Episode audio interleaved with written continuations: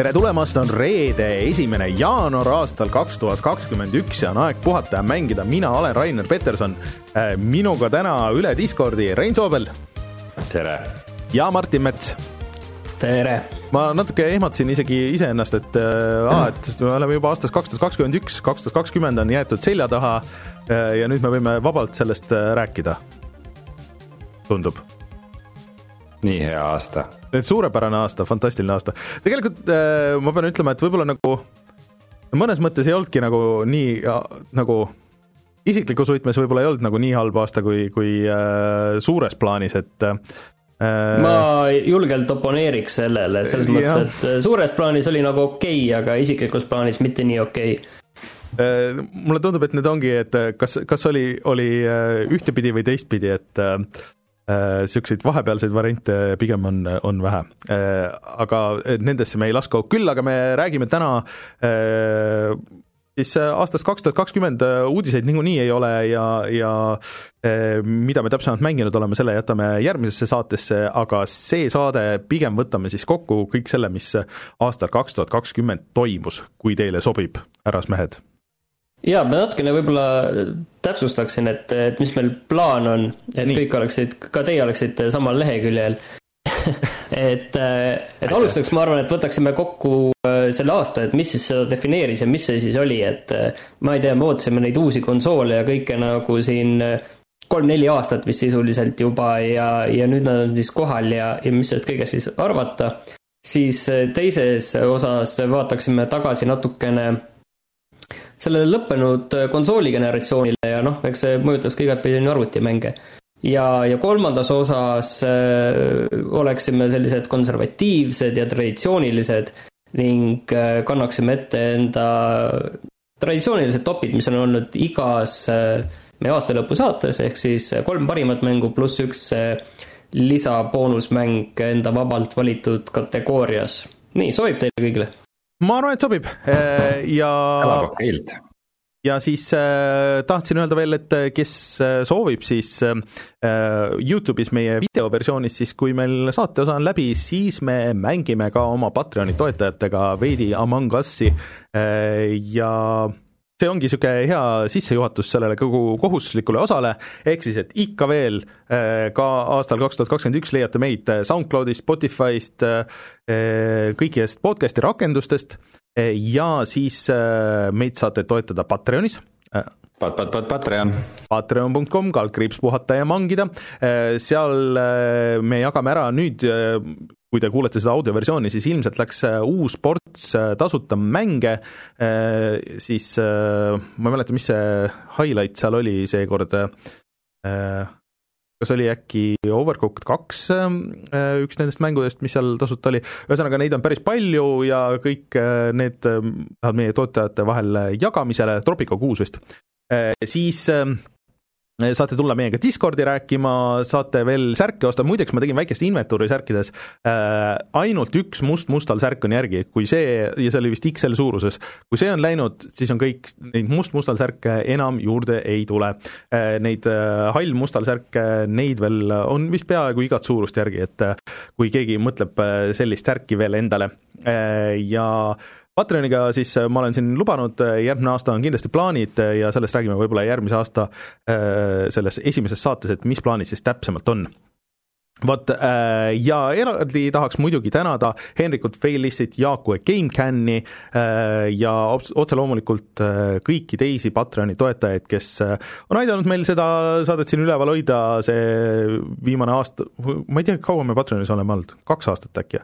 ehk siis see viimane aasta ongi peamiselt teie najal, nii et suured tänud selle eest, muidu ei saaks mängida nii palju mänge, nagu meil siin aasta lõikest välja tuleb, et oleme mänginud Äh, vot siis meie Youtube'i kanal äh, see nädal läks suhteliselt hõredalt, äh, ütleme niimoodi, et tuli Reinu uus Baldur's Gate'i osa ja siis eelmine nädal tuli Among Us'i video ja oli meil veel, oota, midagi oli meil veel seal kuskil õhus uh,. veel Baldur's Gate? Veel, veel Baldur's Gate jah, ühesõnaga äh, terve seeria on, kuidas äh, Rein ja, ja siis äh, Joosep Baldur's Gate'i mängivad ja see läheb veel vähemalt ühe võrra edasi. see nädal ma ei tea, kas, kas meil rohkem tuleb midagi, hetkel ei, ei julge lubada, kas on mingit uut värsket videot, aga järgmine aasta uue hooga. vot. vist see kõik kohustuslikust osast või? Tundub küll. Äh, aga jah, et äh, kes siis soovib näha veel Among Us'i lisaks sellele eelmise nädala videole, siis minge vaadake Youtube'ist meie saate videoversiooni või siis liituge äh, iganädalaselt, saate chatis äh, kaasa rääkida ja äh, vaatame, võib-olla teeme veel neid Patreoni koosmängimisi tulevikus, nii et mõelge selle peale nii, aga Martin põhimõtteliselt äh, rääkis, äh, et äh, mis meil siis täna plaanis on, et ma ütlen kohe ära, et ma olen mänginud päris palju CyberPunki, aga me täna sellest vist eriti ei räägi, ma saan aru, et te olete nagu natuke oleneb, mänginud. kui see sulle sinna toppi jõuab või ei jõua, et kui sa oled peaaegu läbi teinud, siis enam-vähem äh, kannatab ju ära mahutada. jah, ma tean, et mõned kuulajad äh, ootavad võib-olla veel muljeid ja et mis meie ikkagi nagu arvame, aga aga CyberPunki jutt, ma arvan, et jääb suures osas järgmise aasta esimesse saatesse, pluss ma tunnen, et ma tahaks ikkagi teha selle Reedu saate. et ma olen mänginud seda nii palju, et ma olen peaaegu läbi, aga hmm,. kuidas ma selle vormistan nüüd? ma tahaks rääkida sellest mängust äh, nagu pikemalt ja põhjalikumalt. aga siis no, kui kellelgi teist on läbi. kas sellest tuleb, kas sellest tuleb äh, võib-olla äkki monoloog niiviisi? no vaatame äh,. Reinul on muidugi kaks äh, CyberPunki postrit seal taga, aga, aga veidral kombel mina vist äh, lõpetan enne sellega. palju õnne mm vot, aga tuleme siis äh, kohe tagasi ja siis äh, võtame selle kaks tuhat kakskümmend aasta kokku.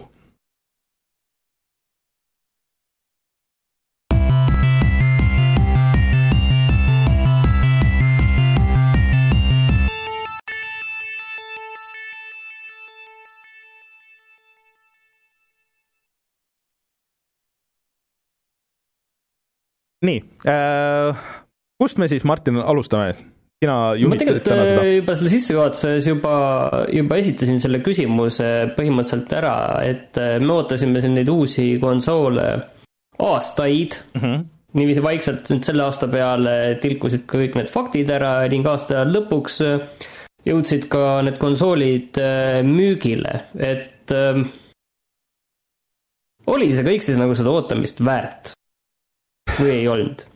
Ma arvan, et igal teisel aastal äh, oleks, äh, oleks olnud see äh, konsooli launch nagu ikka mõnes mõttes, aga see aasta see, et me ei ole siiamaani saanud kumbagi nendest konsoolidest, me oleme saanud neid, neile küll käed peale panna, aga, aga see, et see saadavus nagu nendel nagu tõesti nagu nii halb on ja ikka veel, ma arvan, et see on suhteliselt pretsedenditu, et selles mõttes, et alati, kui need uued konsoolid välja tulevad, siis no ikka on nagu noh, võib-olla nagu natuke raske saada, aga tavaliselt detsembri lõpuks noh, aeg või noh, nagu kuskilt ikka saab nagu selles mõttes, aga praegu põhimõtteliselt ei ole üldse.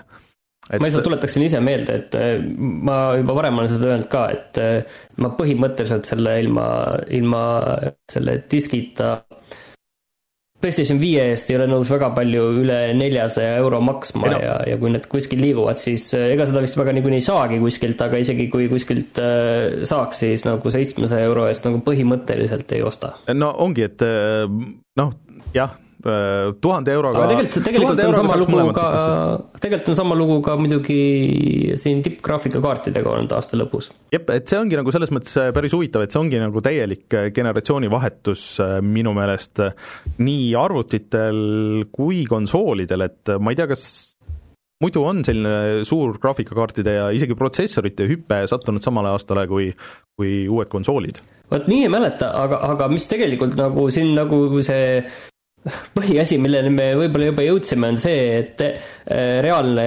generatsioonivahetus toimub äh, tegelikult aastal kaks tuhat kakskümmend üks.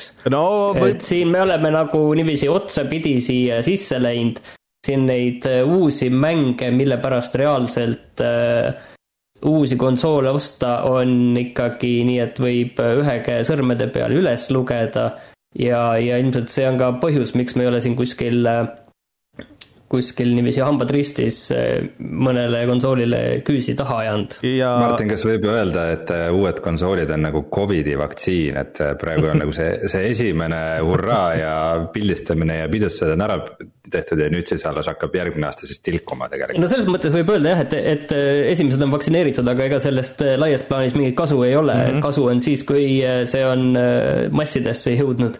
et võib-olla, võib-olla niipidi jah kõige hullem selle juures on äh, vist see, et samamoodi nagu toome selle vaktsiini teema tagasi sisse, et see võib isegi pigem, äh, see reaalne generatsioonivahetus nüüd nihkuda aastasse kaks tuhat kakskümmend kaks, sest et ma arvan, et nii mõnigi mäng, mis tegelikult oleks olnud praegu juba väljas, või kuulutatud välja veel niisuguse generatsiooni lõpu, uue generatsiooni alguse niisuguse asjana, nihkub nüüd edasi vähemalt pool aastat, kui mitte terve aasta ja noh, mäng, mis on rohkem nagu selle eelmise generatsiooni mäng, nüüd ilmub pigem siis no võib-olla natuke ilusamana nendel äh, uutel konsoolidel. aga see on tekitanud vaat sellised äh, lollid olukorrad, et mingid mängud ilmselt äh, vot mul ei ole nüüd on ju numbreid siin kohe taha mhm. visata, sellepärast et enamikul asjadel neid numbreid pole välja öelnud, aga mingid mängud, mis sihtisid seda konsooli generatsiooni vahetust, nagu näiteks Watch Dogs Legion mm, -hmm mis äh, oleks siis teoorias pidanud ka sellest uuest generatsioonist kasu lõikama, siis mõnes mõttes sattus olukorda, kus äh, uue konso-, generatsiooni peale seda väga palju ei saa osta, sest noh, pole mille peal mängida ja vana peal on tunne, et äh, oh, miks ma peaksin seda, selle, seda halba porti mängima, on ju. Mhm. et, et ei üks ega teine niiviisi ja siis, kui poole aasta pärast on nagu suuremal osal huvilistel konsoolid lõpuks käes, siis ei mäleta enam keegi seda, et Watch Dogs Legion üldse olemas oli mm, -hmm. aga see on lihtsalt üks näide, on ju. nojah, see Ubi strateegia, et, et noh, nad on alati esimesena eh, nendel uutel konsoolidel, et eh, natuke läks ei, see on, nagu üldiselt on see väga hea strateegia, see, et sa sihid ei, seda ja sa näed vaeva ja see on, see on väga mõistlik strateegia ja selles mõttes, et alati on hea, et on neid arendajaid, kes on ju konkreetselt mm -hmm. tulevad kaasa ja sihivad seda aega, lihtsalt seekord läks nagu halvasti äh,. see mm, selles mõttes nad muidugi võitsid, et, et, et noh, kõik, kes said uue konsooli, äh, need muidugi mängivad, äh, no peaaegu kõik on vähemalt ühe selle Ubisofti mängu ju tegelikult ostnud, et kas siis äh, Assassin's Creed Valhalla või see Watch Dog, Watch Dogs Legion, et noh, aga, aga lihtsalt neid konsoole ei ole nii väga palju mm. -hmm. aga noh, selles mõttes ma arvan, et nende konsoolidega on tegelikult äh, pilt üsna selge, et me võiksime sedasama juttu siin veel edasi rääkida kümme minutit, aga ma tahtsin tegelikult rääkida sellest, et see aasta tegelikult tuli ju välja ka mänge, mida on siin äh, aastaid ja aastaid oodatud, ikkagi on generatsiooni, äh, eelmise generatsiooni viimane aasta oli. ja, ja mis mul endal tuli meelde sellega seoses kohe, on see Final Fantasy seitsme remake, mida mm -hmm. lubati vist äh, noh, kümme aastat on liialdus, aga, aga enam-vähem niiviisi.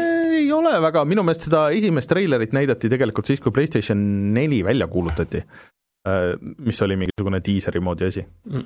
ja, ja teine suur asi, mis tegelikult ei ole seotud üldse konsooligeneratsioonidega, on siis see, et äh, mida ei oleks noh, võib-olla ma ei mäleta, kas aasta aega tagasi välja kuulutatud või mitte vist napilt siis kuulutatigi, Rein kohe täpsustab, aga ikkagi uus Half-Life tuli. jah, et äh, see, see on, see on kindlasti märkimisväärt, lisaks uuele Doomile ja uuele Medal of Honorile ja kõikidele muudele tulistamismängudele, mis see aasta uue osaga hakkama said? siis ma ei saa aru, kuidas sa seda paralleeli siin tõmbad, aga see selleks, aga tegelikult, mis välja tuli, nagu ikka alati tuleb välja konsooligeneratsiooni viimasel aastal tuleb välja siis ka see Naughty Dogi suur mäng ehk Last of Us kaks tuli ka välja. generatsiooni nagu, luigelaul. jah, nagu täpselt niiviisi jälle niiviisi äh, lõpus. ja, ja tegelikult ma ei tea, kas see Microsofti see Flight Simulator, see kuulutati välja ka mingi ikka jupp aega tagasi ja nüüd ei, sai valmis? ei, ei ta tuli pigem, ta tuli suhteliselt suure üllatusena tegelikult peaaegu kõigile okei okay,, mulle jäi meelde nagu, et see oli isegi varem välja kuulutatud, aga lihtsalt okay, eelmisest osast on väga, väga palju aega. siis ei sobi ei, seda küll jah, et eelmisest oli nagu äh, pikk vahe. ma, aga, aga ma muidugi oponeerin äh, Martinile siin, et, äh, et kui sa hakkad rääkima nagu kaks tuhat kakskümmend aasta mänguaasta suurimatest asjadest, sa hakkad kohe uuest konsooli generatsioonist rääkima, et. Et äh, ikkagi ma ütleks, et aasta üks suurimaid võitjaid oli siiski PC. kuna mingisugused Sony asjad hakkasid tulema väga üllatuslikult arvuti peale, nagu näiteks siis äh, see Horizon Zero Dawn ja, ja Death Stranding. Ja ilmselt tuleb need tulevikus veel. ja kõik äh, Xbox'i ja Gamepassi asjad tulevad PC peale niikuinii, et äh, ma ütleks, et äh, see on aasta, mis peaks panema küsima, et kas see konsooli generatsioon on ikka nii oluline. Ma arvan, et see on õige küsimus jah, ma tegelikult, kus ma tahtsin alustada, oli see, et mingid suured asjad, mis on kaua aega töös olnud ja mis on ammu välja reklaamitud, see aasta said äh, valmis. no lõpuks. tegelikult Cyberpunk ka. aga see nüüd. laiendus on, äh, Rein, sul nagu väga õige minu meelest jah, et, äh, et kas üldse on, on vaja nüüd enam seda eraldiseisvat konsooli. aga vot see on, siin on täpselt see, et konsool on ikka jätkuvalt kõigi nende inimeste jaoks, kes ei, kellel ei ole ruu-, ruumi ega tahtmist arvutiga tegeleda, kes tahavad seda, et nad tulevad töölt koju, panevad konsooli tööle, viskavad telekat pikali ja rohkem ei mõtle nagu selle peale, et mis nende riistvara on, nad ostavad selle ühe generatsiooni masina ära ja sõbrad on ka seal peal ja see on kogu lugu. vot, Rainer, jah, sul on õigus, aga see on samamoodi see, et sa tuled töölt koju, sa teed arvuti lahti aga kui sa oled kaheksa ja... olnud seal arvuti taga juba, võib-olla sa ei taha nagu olla seal. no võib-olla selle aasta. eriti, eriti praegu kodus töötamisega on see, et nii, tööpäev sai läbi, ma nüüd lähen siia diivanile no see on täpselt see, mida ma tahaks teha selles suhtes. okei, okei, see ei no, ole. see, et see on, see on, see on sinu harjumus, Rainer, ei tähenda, et see on kogu ülejäänud maailma harjumus. no okay, aga Rein, kas, oota, oota, oota, oota, oota, Rein, Rein, kas sa tahad öelda, et, et äh, inimesed tahavad teha seda, et ma olen kaheksa tundi istunud siin äh, arvuti taga, ma nüüd istun edasi siis kaheksa tundi siin arvuti taga või, või neli-viis tundi, et pigem oh, see ei ole üldse see vaidlus, see ei ole üldse see vaidlus, see ei ole üldse see vaidlus, mida me praegu siin pidama peaksime, selles mõttes aga, aga teine asi äh, või juba nüüd kolmas asi on see, et mida Rein nagu ka näpuotsaga juba puudutas, oli see ikkagi, et, äh, et see on olnud äh, Gamepassi aasta. jah, ja yeah. on ikka küll. ei no selles mõttes, et numbritest, Rein, sa ei saa mööda vaadata, et mina ei ole ka kasutaja ja ma ei ole endal veel seda seda suurt plussi selle asja juures näinud, selles mõttes ma olen Rein sinuga nõus, aga teistpidi ei, ei saa mööda vaadata, et see on väga populaarne ja see on muutnud kõike seda, milline see mängutööstus on, on olnud kümneid aastaid.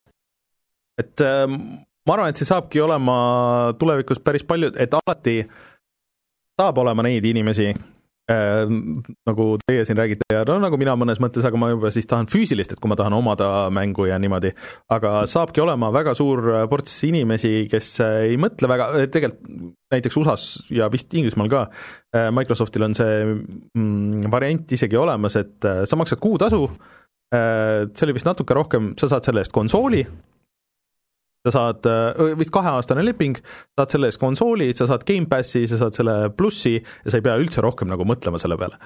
ja ma arvan, et te alahindate natuke, et kui palju on neid inimesi, kes täpselt nii palju tahavadki mõelda selle peale.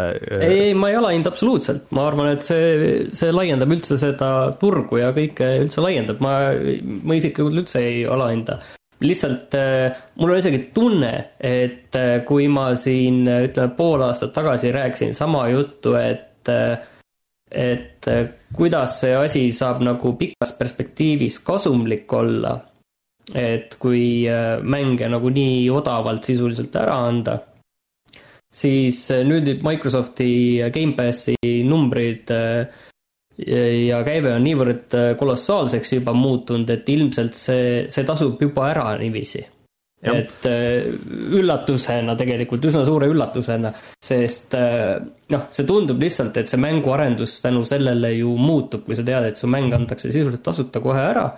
ja, ja aga noh, tundub, et see suudetakse nüüd ikkagi kinni maksta, kõik need asjad um ja ma imestan natuke, ja tegelikult see ju veel kasvab, sest et kui Microsoft tõesti tahab tuua äh, telekatesse igale poole mujale kõik need äh, striimingu asjad ja, ja kõik, et ähm, see läheb ainult laiemaks, aga ma imestan, et äh, Sony on nagu suhteliselt vait olnud kogu selle, ilmselt neil oli tegemist praegu, et, et see üldse see konsool välja saada, aga aga vait olnud selle oma PlayStation Now ja PlayStation plussi ja kogu enda nende striimingu teenuste poolt, et nende plaan edasi on äh, kui palju nad võistlevad, mis noh, nagu selles suhtes, et äh, ei, mul on tunne, et nad ikkagi, ikkagi teevad täpselt äh, äh, noh, nii vähe kui vaja mm -hmm. ja, ja nii, nii palju, kui selline üldine mingi miinimumnõudmine on, et mis selle raames selline tundus juba sellise suure asjana, kui äh, PlayStation plussi äh, äh, klientidele siis nendele, kellel on PlayStation viis, anti need kakskümmend eelmise generatsiooni mängu tasuta ära, noh, mhm. kakskümmend suht paremat mängu, aga see juba tundub vaata selles Sony maailmas niivõrd suure asjana mm. -hmm. et see nagu äh, mingiks ajaks nagu rahustab maha ja siis ütleme poole aasta, aasta pärast siis tuleb nagu mingi uus sarnane asi, mis jälle rahustab nagu mingiks ajaks maha, et seesama ärimudel saaks äh, jätkuda. Mm.. no ma arvan, et kõige vähim, mida nad teha saavad, on see, et, et nad rullivad selle vaata, praegu on ikkagi äh, see striimimine neil on eraldi ja siis see PlayStation pluss on eraldi, et samamoodi nagu Microsoft on ikkagi teinud, et rullivad need kõik asjad kokku nagu üheks asjaks. Äh, see juba ilmselt muudaks selle palju atraktiivsemaks. aga see aasta, kas äh, Microsoft muidugi see aasta pani endale selle Mixeri kinni, mis oli siis mängudest striimimise teenus, mitte mitte mängude striimimise teenus, vaid see, kus sa saad vaadata mänge. aga. Twitchi-laadne teenus. jah, mhm. aga kus me oleme varem siin rääkinud, et mingi aasta on Battle Royale'i aasta ja siis mingi aasta on, ma ei tea, Dota, mitte Dota, vaid nende moobade aastad olid, et. kas see aasta ei olnud nagu mingit sellist aastat, sellist, et mis defineeriks mingi uus žanr oleks, et oi, see oli küll nüüd see põhiteema sel aastal või ma ei tea no ma tooksin Among Us'i ja Fall Guysi võib-olla kõige rohkem äh, välja kui siuksed, siuksed nagu asjad, mis lihtsalt muutusid fenomenideks äh,. aga kas see, see ei olnud nagu niivõrd žanripõhine kui enne. mis, kui rääkida nagu žanritest, ma võib-olla imestaks kõige rohkem, et see aasta ju tuli tegelikult välja Call of Duty Warzone. nüüd nagu enam-vähem viimasena nagu Battle, suurtest Battle Royale'i mängudest ja see ikka leidis omale audientsi ja ikka on nagu väga edukas, et mm. nagu kaua võib, mm. ainus, kes hakkama ei saa sellega on siis Ubisoft. aga Fall, Fall Guysi ja selle Among Us'i, eriti Among Us'i puhul on tegelikult huvitav see, et nendest on väga ruttu, Among Us ei ole üldse selle aasta mäng tegelikult, ta tuli kaks tuhat kaheksateist välja vist. aga nendest on saanud äh, sellised, äh, eriti just Among Us'ist on saanud sellised Fallout, Fallouti uh, Fortnite'i laadsed sellised kultuurifenomenid, et mille mhm. ümber on nii palju kasutajate loodud eh, sisu, et ma siin jõulude ajal nägin ühte, ühte väikest last eh, telefonis, et mida ta, vaatasin, mida ta vaatab seal ja ja, ja selgus, et mingid Among Us'i mingid animeeritud mingid videod eh, mingist asjast, millest ma ei saanud mitte midagi aru et, et ühesõnaga ma ise ei ole Among Us'i kordagi mänginud, ma just äh, installisin selle ära ja siis täna saab esimest korda näha, et äh, millest see teema üldse kõik on, aga, aga selge on see, et seal on mingid sellised äh, väga teistsugused asjad on, miks need kuidagi populaarseks on saanud ja, ja seal on ikkagi midagi enamat kui lihtsalt see mäng, vaid seal on ikkagi selline. mulle tundub, et natuke ikka see kogu see karantiiniaeg ja, ja see pandeemia värk, et need nagu soodustasid seda eh, striimimise ikkagi nagu tõusu ja vaata niisugused mängud, mida sa saad koos mängida, aga eh, mitte ühes toas, aga see feel on ikkagi nagu, et, et sa mängid nagu go-op mängu rohkem. võib-olla, võib-olla see on see asi, mis, mis need nii populaarseks tegi. no ma ei tea, no ilmselt küll mingil määral jah, et seda sellist coop eh, mänge kindlasti mängiti see aasta rohkem, kuigi jälle noh, numbreid ei ole visata siia, on ju mm nii, aga mis teie meelest veel sellest aastast on sellist, kui üldistada, siis sellest aastast nagu tõesti, et no,, et see nüüd defineeris? üks asi, millest peab ikkagi rääkima kaks tuhat kakskümmend võtmetes on halvad launch'id ja PC Gameril on, on eraldi list tehtud, millest ma siin top kolme tooks välja, et siin ülejäänutest äh, ma tooks eraldi välja Ubisofti kolmeteistkümne. mis mm, -hmm mis võeti ikka äärmiselt halvasti vastu, aga top kolm, äh, kolmandal kohal Warcraft kolm Reforged. oh issand, see tuli see aasta või? see tuli jaanuaris välja mis siis äh, sai kiiresti mingiks Metacriticu kõigi aegade kõige madalama skooriga mänguks üldse. oota, oota, tuleta mulle meelde, mis seal, ma mäletan, mul korraks oli selle vastu huvi ja siis ma mõtlesin, et vahet pole, et mis seal nagu valesti oli? No sellel, selle nagu põhiasi oli vist see, et sealt äh, võeti mingisugused nende moodide ja läderite ja asjade toed ära. ja see nagu asendas selle vana mängu, et seda vana nagu enam ei jäänud alles, et see nagu täielikult võttis üle selle ja siis äh, paljud mingid äh, sisulised asjad, mida oli lubatud äh,.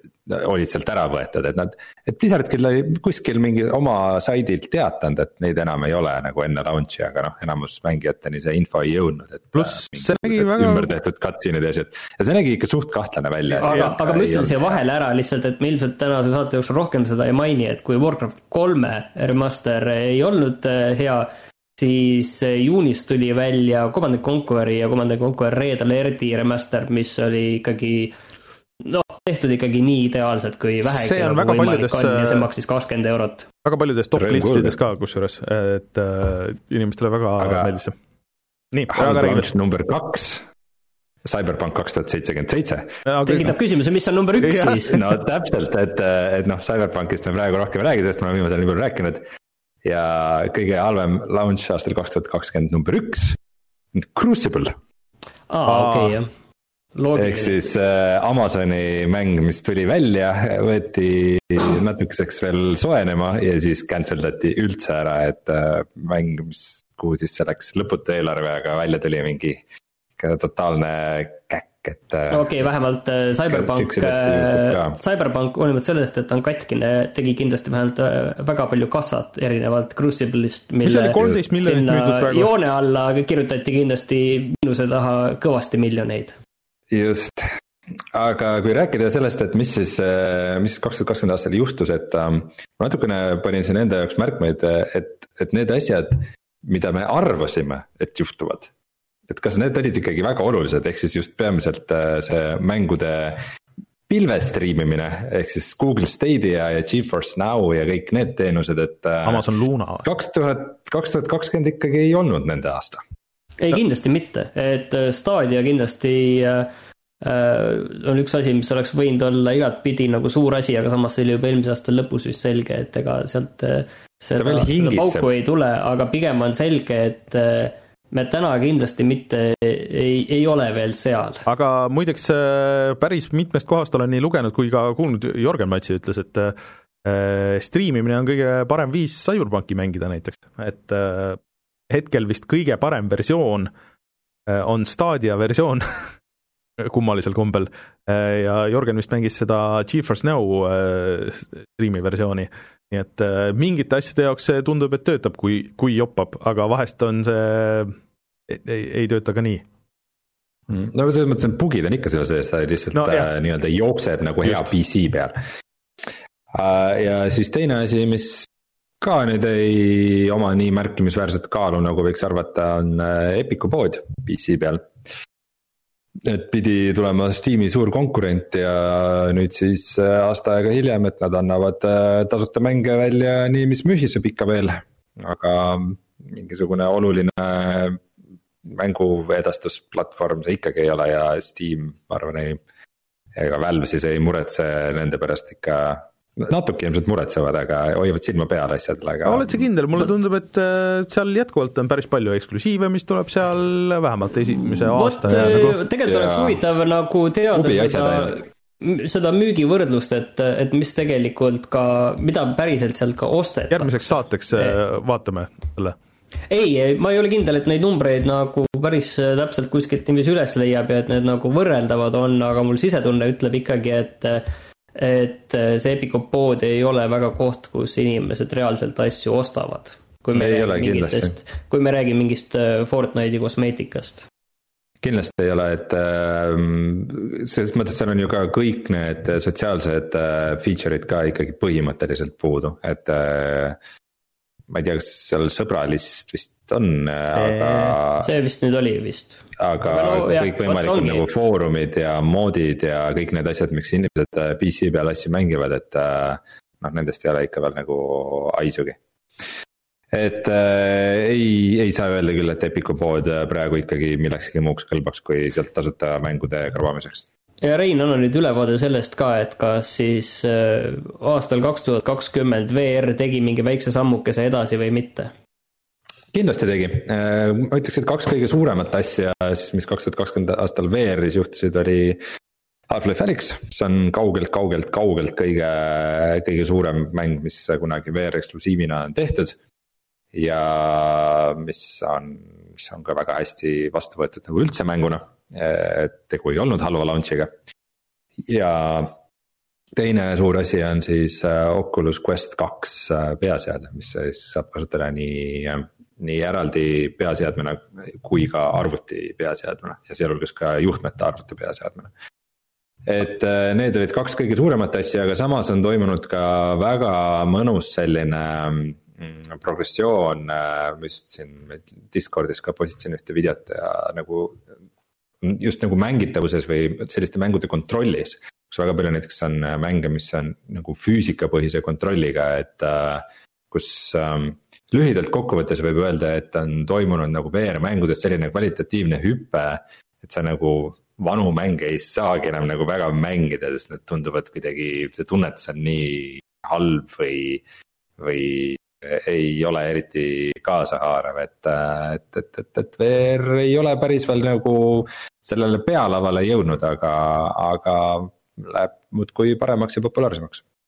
Siin võib-olla see, see kiire areng on teistpidi ka see VR-i väike probleem, et võib-olla isegi suur probleem, et, et see asi, mis sa ostsid endale aasta või kaks tagasi, lihtsalt see on äh, võrreldamatult palju vanem võrreldes sellega, kui sa ostad, ostsid kaks aastat tagasi konsooli või arvuti. ei kindlasti, siin, siin need asjad liiguvad äh, märksa kiiremini, et äh, noh, see ei tähenda kohe, et sul see asi muutub mõttetuks, äh, kui sa ostad hea asja, siis noh, ta on hea asi edasi, isegi kui teisi veel paremaid asju on olemas.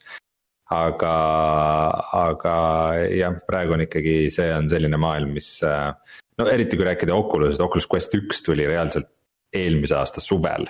ja nüüd tuli Oculus Quest kaks, mis on odavam ja nagu märgatavalt parema ekraani ja protsessoriga et äh, siis, siis tekib küll mõte, et mis, mis selle vana, vana Oculus Questiga teha. aga, aga mulle... muidugi kõige suurem asi, mida ma VR maailmas äh, ootan äh, siiamaani on siis mingisugune info selle Playstation viie BSVR kahe kohta, millest varem on juttu teinud, aga nüüd siis launch'i ajal tehakse nägu, et, et, et, et ei, me ei tea midagi. no ilmselt on vaja veel selle Playstation viie kasutajate baasi enne oluliselt tõsta, kui hakata sellele baasile sellist eh, noh, ikkagi natuke nišiseadet maha müüma. -hmm. jah, ma arvan, et seesama, mis sa mainisid tegelikult selle kohta, et need VR-seadmed nagu muutuvad ja uuenevad kiiresti. ongi just natukene see sõnum, mida Sony meelega ei taha välja saata, et nagu, et oo, et see. see asi, mis sa nagu see või eelmine aasta ostsid, et ei ole kohe nagu mõttetu, et meie asjad ikka peavad kauem vastu ma ei, ise, ise ei panustaks enne aastat kaks tuhat kakskümmend kaks küll nagu sellele poolt et äh, mingi intervjuu, mis siin oli ka, et äh, Need intervjuud on olnud vastuolulised no,, mingi šanss on, et järgmise aasta lõpus äh, ikkagi väga. tuleb aga, aga noh, jah, raha peale kihla ei veaks selle peale. Äh, selles suhtes, et, et kui sa vaatad äh, seda, millal tegelikult PlayStation neljaga võrreldes see PlayStation VR välja tuli, siis ma arvan, et võib olla sinnasamasse skaalasse. ei, need on ikkagi täiesti, täiesti teised asjad, need äh, no, selles okay. mõttes jah, Playstation neli oli algselt tehtud ilma VR toeta, see oli nagu eraldi projekt, mis hiljem tuli juurde alles, PSVR oli üks esimesi VR peaseadmeid üldse. et äh, see on Playstation viiega ikkagi natuke teine olukord. väga hea, et sa nüüd selle teema juba siit äh, avasid, selles mõttes, et me võimegi siin sujuvalt minna selle teise ploki juurde ja, ja mõelda nüüd tagasi sellele eelmisele generatsioonile, et äh, esimese asjana tooksin välja, et me oleme terve selle generatsiooni seda saadet teinud. Et äh, kaks tuhat kolmteist äh, tulid Playstation neli ja, ja Xbox One ja, ja me oleme selle terve aja seda saadet teinud ja nüüd ongi see küsimus, et oli see siis nagu, oli see nagu hea aeg või oli see ma arvan, et oli seda väärt. kas oli seda väärt, see üks, seitse aastat selle ajaks veel saadet teha? Äh, ma arvan, et üks väga suur äh, nihe toimus selle generatsiooni jooksul ja see on see, et generatsioonid on surnud ehk siis tegelikult ei toimu, ei, ma ei ole sellega absoluutselt nõus, ma, ma ei ole sellega üldse nõus. ma arvan, et see, et need Pro-konsoolid tulid ja, ja noh, see siis Xbox One X ja nii edasi, see ikkagi näitab edaspidi seda, et ähm, sellist korralikku äh, äh, nagu generatsiooni cut-off'i nagu vanasti oli, et okei okay,, et see, need mängud olid mul selle konsooli peal ja nüüd tuleb täiesti uus äh,. Ma arvan, et niisugust enam ei tule, et need, need mängud jäävad sul sinna konsooli peale äh,. juba põhimõtteliselt inimestel on nagu nii suured äh, need äh, kataloogid ja see ongi, et, et alati on võimalus tuua Steam või, või nagu arvuti sulle näidiseks, et näed, et mul siin ei kao küll kuskile ära, et, et võib-olla mingi, mingeid vanemaid asju on nagu raske mängida, aga ma saan seda teha põhimõtteliselt, on ju, aga, aga nad ei saa enam nagu seda niimoodi ära lõigata. ja ma arvan, et edaspidi hakkabki olema niisugune upgrade vaikselt nagu, nagu ma olen toonud tuhat korda seda näidet, et äh, nagu Apple'il, äh, et mingist hetkest küll, et äh, noh, et, et uued mängud võib-olla mõni indikas nagu töötab, võib-olla mingist hetkest, et okei okay,, et see ikkagi nagu selle Xbox One'i peal enam, enam ei tööta, aga jaa, ma saan aru, aga see on kasutaja vaatest, see on suhteliselt halb mudel ikkagi. et selles mõttes, et kui sa oled seal, ütleme, et Vast, et iPhone kaksteist ja sa oled iPhone äh, seitsme peal, siis põhimõtteliselt see on nagu toetatud, aga su kogemus on kehv. et see, see no, nagu kasutaja vaatest ei, ei ole minu meelest nagu aga minu meelest see on parem variant. kõige idea-, kõige ideaalsem, et aga, aga okei okay,, millest ma tahtsin tulla tegelikult on see, et äh, et kui me mõtlesime seda PlayStation kolme ja Xbox kolmesaja kuuekümne aega, on ju, siis äh, see generatsioon tõi ikkagi, noh, see lõppenud generatsioon tõi ikkagi kaasa ju muudatuse, et kui me enamikes mängudes olime sel, tol ajal ju äh, mingites tunnelites, mis olid kuskil sellised kitsad, me PlayStation nelja ja Xbox One'iga me saime nendest kitsastest tunnelitest oluliselt rohkem välja. meil tekkisid natuke teistsugused maailmad, aga ikkagi omade probleemidega, nüüd on küsimus see, et, et kas äh, kas see oli nagu hea lahendus ja kas me nüüd selle uue generatsiooniga võiksime kuskile veel edasi jõuda sealt? No tahaks ju loota, et äh, maailmad lähevad järjest suuremaks. no näed, me tahakski nagu saada ja. nagu mitte, et see tuleb sujuv, vaid aga, see, et me aga, saame mälet... mingi kvalitatiivse hüppe siit ma mäletan, et äh, siis, kui see uus generatsioon nüüd tuli, et äh, siis ma ütlesin midagi niisugust, et mis asi, mida mina kõige rohkem ootan, on see, et need laadimisajad kaoks ära ja äh, seda ei tulnud eelmise generatsiooniga, see tuli pigem selle generatsiooniga aga ma usun, et kindlasti paari aasta pärast äh, leitakse uusi viise, et kuidas need laadimisajad jälle niisuguseks paarikümnesekundiseks äh, lükata vähemalt osadel mängudel. aga ei no küllap need hakkavad kasvama jälle ja, seal teisest otsast. aga teisest küljest, ega mängud on läinud nagu rohkem äh, suuremaks küll, aga ma arvan, et see on ka natuke sellepärast, et on ju jäänud mingi käputäis äh, mängumootoreid äh, ja kõik on nagu selles suhtes standardiseeritud, et ikkagi suurem osa asju on kas Unreali mängud või on Unity mängud ja siis on mõni üksik sinna, sinna äärde. ja mõnes mõttes, mõnes mõttes ei ole kunagi olnud nii lihtne mängu teha, nagu praegu on, aga mõnes mõttes ei ole ka olnud kunagi raske teha mängu, mis välja paistaks ja kuidagi eriline oleks, kui praegu on. et see on niisugune Äh, sealt massist välja paista siis nagu mm. selles mõttes. Äh, aga, aga üks praegu... asi, mis ma tahaksin äh, öelda igal selle ilmselgelt, mis seda eelmist generatsiooni iseloomustab ja, ja võib-olla see asi isegi ei ole nagu niivõrd palju generatsioonis, kuivõrd selles, et reaalne mängijate hulk on niivõrd kasvanud, siis ikkagi kui minu, vanasti olid sellised eh, mitmikmängud, olid sellise, sellised ikkagi hardcore tüüpide, isegi noh, isegi need mängijad Playstationi peal mängisid, ma ei tea, Ghost Recon'i või ükskõik mm -hmm. midagi.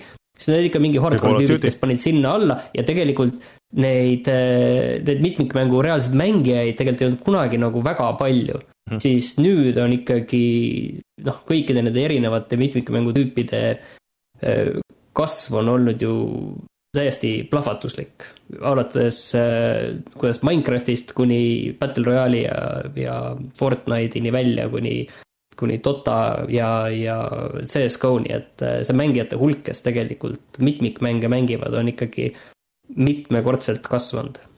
ja, ja üks oluline muudatus konsoolimaailmas veel ka on tegelikult olnud ju see, et kui see generatsioon algas, siis ikkagi nagu iga konsooli iga konsool oli, oli eraldi nagu saareke ja need mängud olid eraldi niisugused saarekesed, äh, aga praegu nagu põhimõtteliselt kõik mängud, mis välja tulevad, pigem on erand see, kui see, kui see ilmub mitmel platvormil, et sellel ei ole crossplay'd, kui, kui selles mõttes, et ei ole nagu, et see on küll mängijate jaoks minu meelest äh, asi, mida on ammu tahetud, juba ma ei tea, mingisugust PlayStation kolme aegade algusest peale äh, ja nüüd hakkab see vist ka lõpuks kätte jõudma. jaa, kindlasti, siin nagu ei ole, ei ole kahtlust no ja minu kui PC-mänguri vaatevinklist siis nagu, mis viimase konsooli generatsiooniga juhtus, on see, et ähm, PC-portide tegemine muutus äh, mänguarendajate jaoks ikkagi väga-väga palju lihtsamaks, et kui ikkagi kuskil mingit väga olulist korporatiivset otsust ei olnud umbes, et see on nüüd Sony eksklusiiv, mis on ka murenema hakanud. siis pigem need mängud ikkagi ka PC pealt tulid seda ja. ikkagi varem niimoodi. ja see kvaliteet oli kindlasti Just. ka ju, keskmine kvaliteet tõusis ju oluliselt, et ja. Äh, kui, kui vanasti oli see, et ah, see on konsoolimäng ja, ja siis äh, installid ära ja hoiad äh, hoiad silmi kinni, et ei julge lahti teha, et, et milline see nüüd siis välja näeb ja kuidas see jookseb, et see oli selline loterii sisuliselt sinu riistvara peal, et teised võivad öelda, et nendel on okei okay,, aga sinu riistvara peal oli see kunagi ei teadnud, siis nüüd võib enamasti üsna kindel olla, et ta jookseb vähemalt okeilt jah, et äh, halb konsooliport on nagu pigem erand ka äh, kui reegel, nagu ta, ma ei tea, seal kolmesaja kuuekümne generatsiooni seal keskel oli. Ma nüüd natuke tiisin, et selle sektsiooni lõpus siis äh, ma kogusin kokku meie eelmiste aastate topid ja siis ma saan öelda, mis on meie kõigi äh, aasta mängud olnud äh, nüüd läbi, läbi nende üks, kaks, kolm, neli, viis, kuus, seitsme aasta. Äh,. ei, vabandust, kaheksa. Et siis saate näha, kui palju teid on see konsooli generatsioon mõjutanud ka. Hmm.. aga ilmselt, kui me nagu aastale tagasi vaatame või ka sellele, sellele generatsioonile või poolgeneratsioonile, siis äh, peaks ka mainima Nintendot. kelle jaoks on vist eriti hea aasta olnud Nintendo läks oma kõige suurema, või no mitte kõige suurem, okei okay,, siin on olnud igasuguseid asju, aga, aga äh, ikkagi nagu läbikukkumise juurest ikka nagu niisuguse retsi triumfini, mis ma arvan, hakkab vaikselt siin Wii'le kandadele astuma, et äh, keegi ei, ei näinud seda tulemas, kui näidati seda esimest äh, videot sellest, kuidas see legodena kokku käib ja, ja keegi nagu ei uskunud sellesse, minu aga, aga nüüd on põhimõtteliselt ka viimased mängud, et see Wii U peale, kui nüüd see Mario 3D World tuleb äh, märtsis, siis, äh, siis põhimõtteliselt kõik Wii U parimad mängud on jõudnud Switchi peale ja rääkimata kõikidest nendest indie asjadest, äh, noh, muidugi mingid asjad on ikkagi Switchi peal absurdsed, äh, kogu see menüüde ülesehitus ja see niisugune horror, see pood on, kui sa tahad sealt midagi lihtsalt niisama brausida, see on, eriti siin jõulude ajal ma allahindluste aega üritasin täis mingisugust totaalset jura, aga see aparaat ja selle edu on ikkagi isegi minu jaoks natuke uskumatu mm. -hmm.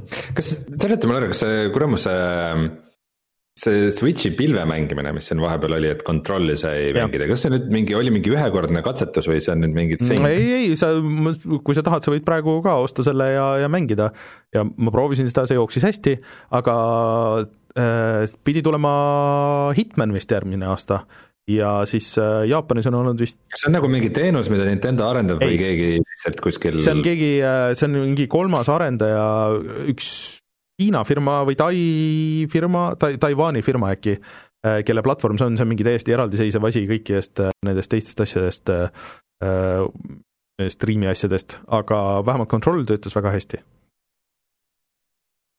okei okay,, ja millal siis uus Switch tuleb või ei tulegi kunagi? vot sellest räägime juba. järgmine, järgmine saade, aga no ma arvan, et kui ei oleks seda pandeemia värki, siis, siis võiks üsna kindlalt öelda, et see aasta nüüd on nagu natuke kahtlane, aga, aga ma arvan, et äh, lähiajal siiski hm..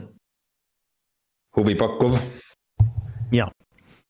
nii, mis meil, kas meil on veel kas te tahate midagi veel selle möödunud konsooli generatsiooni mul seda ma tahtsin tegelikult öelda, et äh, lühidalt, et ikkagi äh, indie-mängud jõudsid ikkagi ka mainstream'i ikkagi kogu selle aja jooksul, et nii palju nii väikse eelarvega mänge nii paljude inimhulkadeni pole kunagi varem inimkonna ajaloos jõudnud ja nad jõudsid ka igale poole ju nendele üsna varem üsna kinnistele konsooliplatvormidele.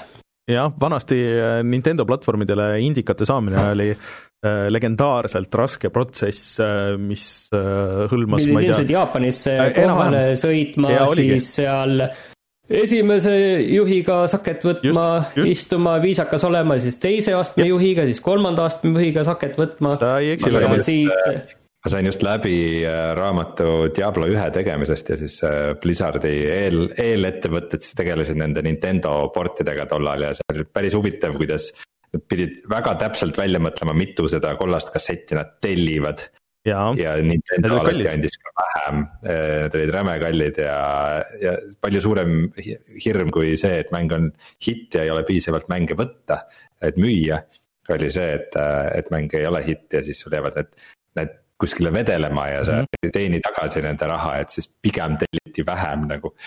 Et äh, huvitav äh, nüanss sellel kõigel, aga äh, ma tahaks veel vastata enne selle Martini küsimusele, et kui rääkida sellest tuleviku mänguarendusest et äh, missugused need järgmise generatsiooni mängud tulevad. siis ma just kuulasin ühte huvitavat talk'i, kus äh, keegi rääkis, et, äh, et, et tänapäeva lapsed on mänginud nüüd Minecrafti nagu päris kaua aega juba. Et äh, see tähendab seda, et sealt on tegelikult kasvanud üles äh, põlvkond mängureid, kes eeldavad, et mängus peaks olema, et sul on, sul on mitmikmäng. sul on äh, täiesti äh, randomly genereeritud äh, levelid ja maailmad. sa saad seal muuta absoluutselt kõike. sa saad iga kohta välja kaevata kõike, purustada kõike, ise ehitada, teha kõike. Ja, ja kõik mängud, mis ei paku seda, on justkui nagu ikkagi nagu limiteeritud mängud, nii et ähm, äkki ma arvan, et selles on tõde kindlasti nagu sees, see ja need mingid ootused, mis on mängule ja, ja see võib, see võib ka kätte maksta, kui äh, No.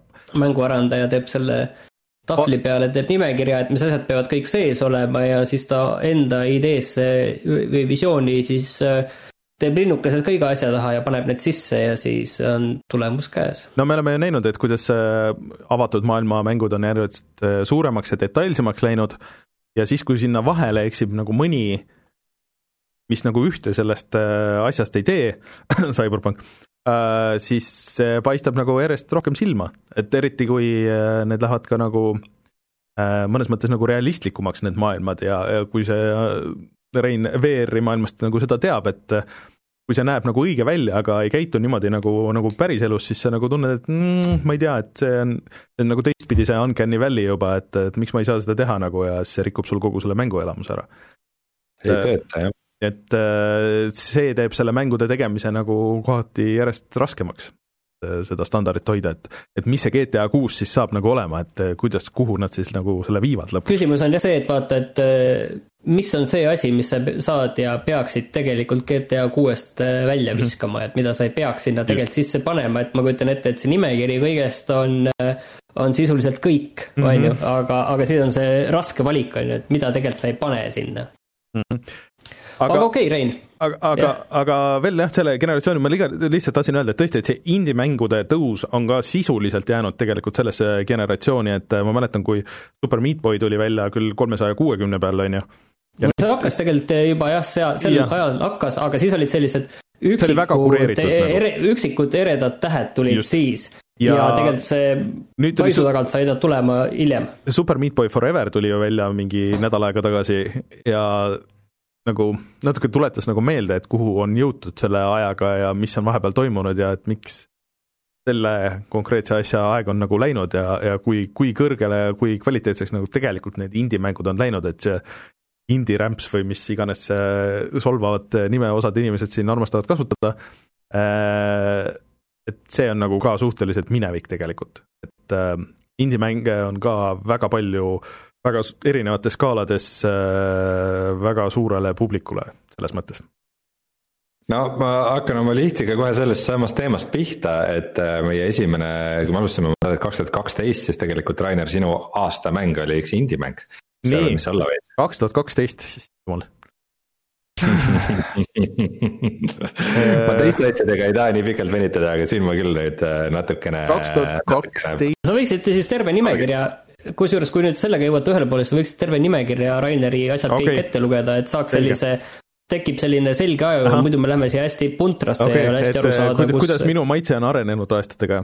jah. Äh, okei, oota, ma mõtlen kaks tuhat kaksteist aasta indie-mäng, no see ei saanud olla Shovel Knight vist, sest see oli vist hiljem um, Äh, Super Meat Boy küll varem. ma ei mäleta nime, aga sellise keeruka nimega mäng, kus oli vaja kindlasti palju tulistada ja, ja selline platvormikas.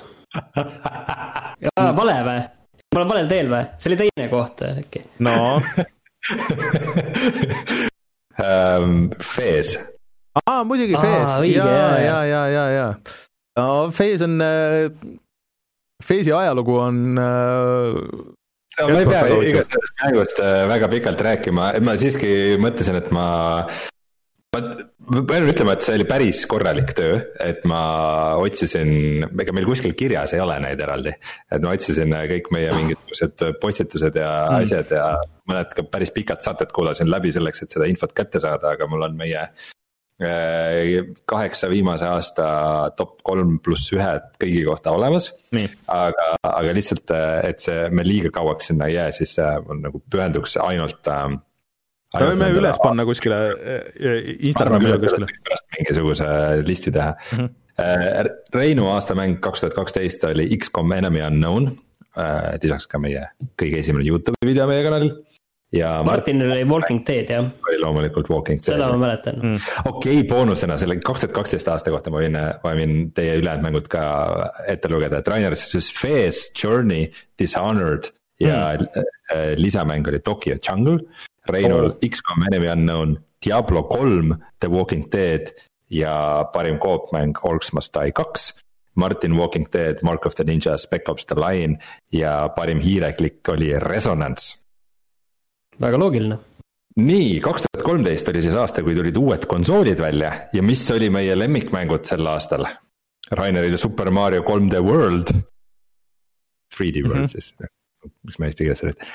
Reinul Last of Us ja Martinil Last of Us et äh, siis äh, eel-, üle-eelmise generatsiooni luigelaul. Äh, arvestades, et just Last, Last of Us tuli uus ja 3D World tuleb uuesti välja kohe, siis väga huvitav aga, aga siin see paralleel on ikkagi väga nähtav, et nagu just eelmise generatsiooni lõpus tuli Last of. Us välja.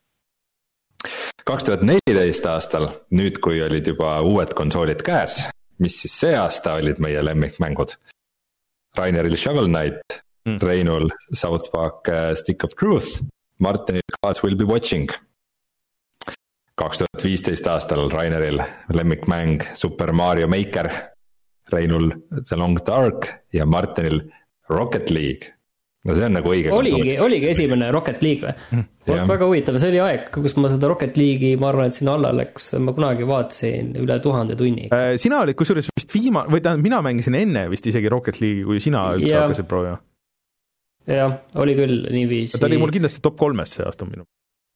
aga ma ei mäleta, mis selle Rocket League'i selle, selle, selle, selle ringi murdis, seda ma ei mäleta. Et ta võib, võib-olla oli siis CSGO, et kas ta tuli niiviisi murd-. mida sa nalja pärast proovisid, et aru saada? kauemaks. ma korra vaatan, mis värk sellega ja, on. miks kõik räägivad sellest aga kui rääkida nagu kogu see top on nagu konsooli eksklusiivide võtmesse, siis kaks tuhat viisteist aasta Martini number kaks mäng oli Bloodborne ja Raineri siis Rocket League mm. ja siis meil seal veel äh, Raineril oli veel äh, Rise of the Tomb Raider, mis oli tollal ju vaat see Xbox'i eksklusiiv, mingi, mingi aeg, mingid kuud. aasta vist oli ikka mm. -hmm. jah, ja, ja siis äh, Witcher kolm, seal on ka Reinul number kaks mäng ja Martinil number kolm mäng. aga kaks tuhat kuusteist aastal Raineri lemmikmäng oli Hitman mm..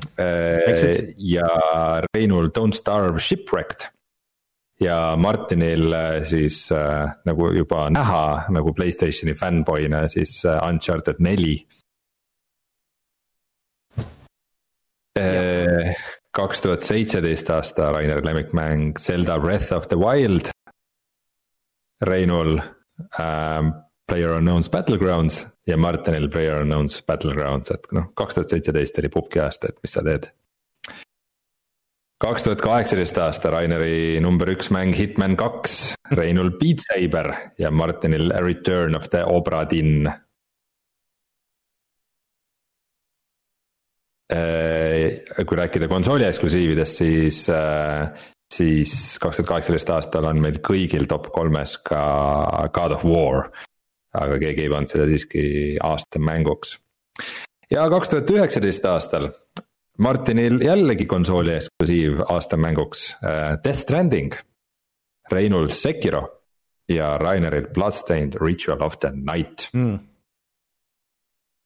sellised tulemused no, väga uhke list tegelikult. tegelikult jah, head mängud on, ma olen päris paljus, kui sa loed ette, ahah, tahaks proovida või seda tuleks, tuleks, Rocket League'i peale. mul kusjuures viimasel ajal, mida ma olen tundnud, et mina olen tundnud seda, et seda, see Sekiro kuskil seal mm. Äh, sügeleb ikka, üks asi, mis mul seal pooleli jäi ühes lollis kohas, kus ma ei osanud edasi minna, et see on üks asi, kus mind aeg-ajalt äh, ärritab aga. Sekiro on vist mäng, mis päris mitmetel sügeleb, seal tuli mingisugune boss rush'i DLC või midagi, ma ei tea kusjuures eh, paar mängu nagu sellest aastast, mis on sinna õhku jäänud küll, et mida ma kindlasti mõtlesin, et ma proovin ja Martin, sina mõtlesid, et proovi, üks oli see, oligi Final Fantasy seitsme remake, mis täiesti jäi ilma tähelepanuta ja, ja siis Persona viis võib-olla. Persona viis vist, aga see vist tegelikult tuli eelmine minu meelest mitte, aga no. võib-olla jah, ma ei ole nüüd sada protsenti kindel. jah, et äh, see aasta ikkagi nagu tuli päris, kui vaatad seda listi nagu mängudes, siis on päris palju neid. Äh, et minu meelest see aasta ka tuli tegelikult äh, üsna palju remake'e, millest suurem osa veidral kombel olid nagu päris head, et ähm, et need äh, kolmteist, noh tõesti, et see oli ikka täiesti totaalne läbikukkumine, täiesti arusaamatu nagu üldse, miks nad seda hakkasid tegema, aga päris paljud remake'id, remaster'id olid nagu pigem head. mulle jäi niisugune mhm. mulje aga kui võtta seda aastat kokku, siis ma tegelikult äh, tahaks üht, ühest asjast veel rääkida. nimelt puhata ja mängida aastal kaks tuhat kakskümmend. Mm. ma ütleks ka, et me oleme ikkagi päris palju ära teinud see aasta, et, äh, et siin kindlasti tahaks äh, Rainerit väga kiita, et oh. nii siin äh, meie siin karantiini ajal kodus tehtud saated kui ka uued graafikad, kui ka uus intro ja, ja kõik, kõik muud asjad. kui ka mingisugused muud kvalitatiivsed asjad, mis on muutunud, kas me Discordi tegime see aasta alles? ei, ei, see oli varem, aga, aga sellest aga aastast. rahvakuld näiteks on see aasta ja rahvakuld oli sellest aastast, äh, et mis nagu välja tuua tegelikult on see Eesti mänguarendajate kuu, äh, mille sarnaseid asju kindlasti me peaksime veel tegema no.. ja selle üle on mul samuti väga hea meel, et me tegime siis terve maikuu, tegime juttu Eesti mängudest, mängisime Eesti mänge ja intervjueerisime Eesti mänguarendajaid ja mulle, mulle ka see, see osa väga-väga meeldis. et äh, ilmselt mulle tundub, et on ka nagu mänge nüüd järjest rohkem, millest teha, et äh, Disco Elysium saab küll selle, selle lisapaki ja selle konsooli versiooni, mida võiks ilmselt äh, kindlasti vaadata, et kuidas, kuidas see siis välja kukkus ja võib-olla ma võtan ka selle ette siis lõpuks. Aga vaat niisuguseid väiksemaid indikaid, mis sa oled siin järjest lisanud, et üks on vist early access'is ja Mikk Luige siin teeb asju ja ja tegelikult on veel tulemas, et äkki meil õnnestub järgmine aasta ka välja pigistada üks kas kuu või, või mingi eraldi feature vähemalt, et kuidas läheb Eesti mänguarendusel mm. -hmm. et see, see traak on vaikselt äh, tõstab pead ja, ja me tahaks äh, väga sellele kaasa aidata, nii kuidas mm, -hmm. nii kuidas saab kas siis äh, luues oma mänge või või siis äh, kajastades seda, seda, mis selle ümber toimub ka. nii, aga lähme nüüd siis äh, selle konservatiivse asja juurde. ei, ei, oot-oot, meil on, meil on täpsem enda kokkuvõte, puhata mängida kokkuvõte, mille tegi vist ma ei saanud aru, see on minu meelest see on Kustu Künapäes, kes, kes meie Discordis oli ja kes on seda äh, meie ähm, statistikat teinud, aga aga tal oli mingi teine nimi seal Discordis, ma unustasin küsida, et kas, kas sa oled siis Not sure if me on ta nimi praegu. Ja kui te tahate tulla ka vaatama Discordi ja rääkima meiega, siis patreon.com, kaldkriips puhata ja mangida. muideks, mis, üks asi, mis ma tahtsin välja tuua, ma saate alguses läks meelest ära, minge kuulake seda muusikasaadet, selle aasta muusikasaadet, mis ma kokku panin, mis on ainult siis SoundCloudis, sest et Äh, kuri Youtube ja kuri äh, podcast'i pood, äh, neile väga ei meeldi, kui muusikat sinna üles laadida, aga SoundCloud ei hooli, sest et nad asuvad Brasiilias ja neil on suva. nii et minge kuulake sealt üle tunni, isegi tund viisteist vist muusikat erinevat, palju hip-hopi, head hip-hopi. nii et tšekkige seda väikse kõrvalepõikena. nii, aga siis kaks tuhat kakskümmend statistika, niisugune umbkaudne, Rein loe ette mingid huvitavamad asjad sealt, mitte päris kõik. jah, mis, kas siis päris, igatahes see aasta me tegime nelikümmend seitse saadet, sest et see aasta me oleme väga uhked ka selle üle, et me tegime oma esimese puhkuse mis kestis kuu aega, kokku seitsekümmend üks tundi, viisteist minutit ja viiskümmend kaheksa sekundit saadet. Äh, ja äh, Rainer osales viiekümne kaheksas, Rein viiekümne kolmes ja Martin kahekümne seitsmes saates oota, kuidas nelikümmend seitse saadet oli kokku, siis kuidas Rainer sai osaleda viiekümne kaheksas? no ei tea päris huvitav. Äh, ma arvan, et see on äkki nelikümmend kaheksa, ei, ei saa olla um.... Uh aga okei okay,, selles mõttes suurusjärgud saab siit äh, paika ja, ja kui ma ütlesin saate alguses, et see oli kehv aasta, siis sellest, sellest on aru saada, kui see siit. jah, igatahes äh, siis uudised võtsid kolmkümmend üheksa koma üheksa protsenti ajast, mängitud mängud kolmkümmend viis koma viis protsenti, Eesti mängud kuus koma viis protsenti. muud jutud kolm koma seitse protsenti, odavad mängud viis koma seitse protsenti meie saate ajast. mängitud mängud plokis rääkisime kokku saja kahekümne kaheksast mängust, sealhulgas mõned DLC-d. ja ainult kolm mängu oli, mida me kõik mängisime, need olid siis Black Mesa, Last of Us kaks ja Cyberpunk kaks tuhat seitsekümmend seitse päris huvitav muidugi. Ajaliselt oli kõige rohkem juttu Last of Us kahest, järgmisena Animal Crossing ust ja siis Half-Life Alyxist. Hmm.. Äh... kõige rohkem mängitud mängudest rääkis Rein, see oli nelikümmend üks koma kolm protsenti ajast. no nii. Äh, ja siis äh, kokku kümme tundi ja kakskümmend kuus minutit, Rainer kolmkümmend seitse koma kuus protsenti ajast, mis on üheksa tundi ja kolmkümmend minutit. Martin neliteist koma kaks protsenti ajast, see on siis kolm tundi ja kolmkümmend viis minutit ja külalised, äh, välja arvatud Eesti mänguarendajad, miskipärast on need välja jäetud. rääkisid kokku üks tund ja nelikümmend viis minutit, see on päris vähe see on tõesti päris vähe, aga ma arvan, et äh, Rein, sa ikka peaksid nüüd äh, noh, nagu tagasi tõmbama natuke, et, et seal meile, me saame nagu seal, mina saan natuke rohkem rääkida ja sa saad natuke vähem rääkida ja siis me saame nagu täpselt kokku selle, selle sama protsendi. siis ülejäänud jääb Martinile vist. vahelt jääb me mängime ka kõige rohkem uusi mänge. ei, aasta Animal Crossing. ei, aga see, sa jätsid selle vahele, et minul on viiskümmend kaheksa uut mängu ja sinul on viiskümmend kolm uut mängu äh, see aasta mängitud ja räägitud ja Martinil on kakskümmend seitse, nii et äh,. aa, see oli mängud, vabandust, mitte, mitte, mitte osaletud saated äh, okei okay., kas selle kohta ei olnud siis eraldi statistikat äh,? minu arust nagu oli või, äkki ma jätsin copy-paste'iga välja kogemata hmm,? ma nagu Äh, need on ühesõnaga uued, uued mängud jah, õige viiskümmend kaheksa mängu muidugi, see tähendab seda, et ma olen iga nädal mänginud vähemalt kaks mängu, kui mitte kolm. et äh, üksjagu. kurat, ma, see viiskümmend kolm ikka ka mind väga üllatab, ma tõesti proovin nii palju erinevaid mänge. võimalik. uskumatu ähm,, huvitav palju mänge ma oma elus olen mänginud uh. ei tea igatahes ähm,, jah, selline oli siis meie aasta ja selle kõige juures äh, ei saa kuidagi mainimata jätta seda, et. Euh, et meie Youtube'i vaadatavus on samal ajal ikkagi meeletult langenud. et äh, selles mõttes on meil ikkagi kaugelt, kaugelt kõige halvem aasta üldse. kvaliteet on äh, kehv, kvaliteet on kehv ikka. kvaliteet on sama või justkui nagu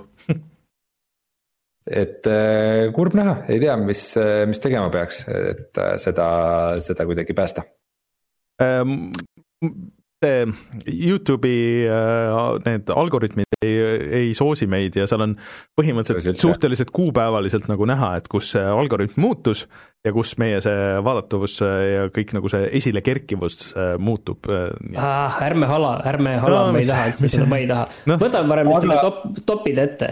enne, enne kui topi juurde minna, siis, äh, siis lisaks sellele, et siin omale vastu rindu kolkida, et mis me kõik teinud oleme see aasta, siis äh, tahaks ka tänada kõiki meie moderaatoreid ja, ja muid abilisi ja, ja toetajaid. Discordis kui Patreonis ja, ja ka igal pool mujal. just, ja meil jah, et ühesõnaga, mis meil Patreoniga plaanid on ja mis meil nagu siis äh, veel äh, järgmiseks aastaks plaanid on, sellest räägime siis juba järgmine saade ja et mis mänge me ootame järgmisest aastast ja kõik see, et need jäävad siis selle äh, mis on siis kaheksanda jaanuari saatesse. kui te ootate seda, et seda selles saates ei tule nii, kas lähme nüüd kõige magusama pala juurde? no lähme, ma teen ühe kõlli. no lähme siia... vaatame, kas tuleb sama esinduslik. ma teen ühe kõlli siia vahele ka ja siis vaatame, et kuidas äh,, äh kuidas edasi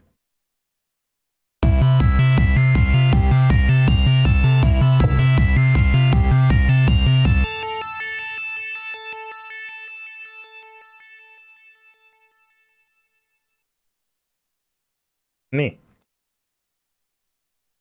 muidugi nüüd alles avastasin, et äh, Rein on siin meil videopildis kadunud kuskile, ma ei tea kuhu. kui tore. niisiis, aga mis järjekorras me teeme? Äh, teeme niiviisi, et äh, me võime minust alustada, aga alustame siis nagu sellest boonusasjast ja siis lähme kolm, kaks, üks. ahah, nii, mis on sinu boonusasi?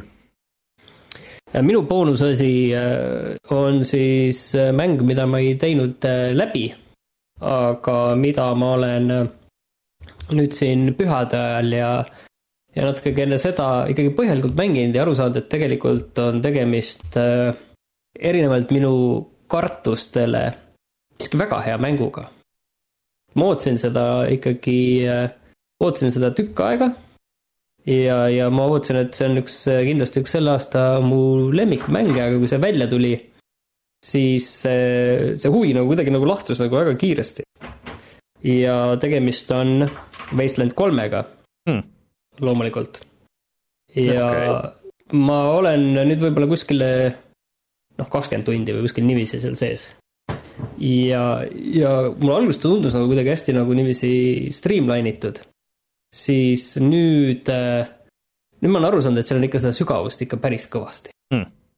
ja, ja sellises, äh, noh, see on selline isomeetriline äh, äh, taktikaline rollimäng, kus sa ühte sellist äh, käputäit äh, sõdureid äh, postapokalüptilises Ameerikas juhendad ning äh, see kuidagi ühel hetkel see hakkab nagu väga hästi toimima ikkagi, et äh, kuidas sa enda seda tiimi üles ehitad, kuidas sa kaarti avastad, milliseid missioone sa võtad, millised missioonid sul vastavalt sellele ära kukuvad, et kogu see, see dünaamika on seal ikkagi väga ägedasti paigas, et et ma loodan, et seal tuleb mingi Wasteland kahe sarnane asi ka veel, mis mind seal ikka tugevalt ärritas, oli see, kus üks mingi terve suur-suur sektsioon mängust lihtsalt kogemata saatsin ise tuumapommi sinna, et äh, ja, ja kõik missioonid ja kõik asjad seal läksid.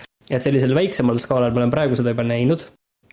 aga, ja, ja mul on tunne, et noh, seal on erinevad äh, faktsioonid seal erinev ja, ja noh, vastavalt nende, sinu käitumisele siis äh, selgub seal, et kes, kes on sul seal vastane ja, ja kes tegelikult ei ole, mis võib kogu selle mängupildi üsna üsna pea peale pöörata ja mul on juba tunne näha, et kuidas see, kuidas see asi nagu läheb ja, ja kurat, ma olen ikka väga rahul, et seal ühed asjad muidugi mind häirivad siiani, et seda satiiri ja kõike on võib-olla seal natuke liiga palju.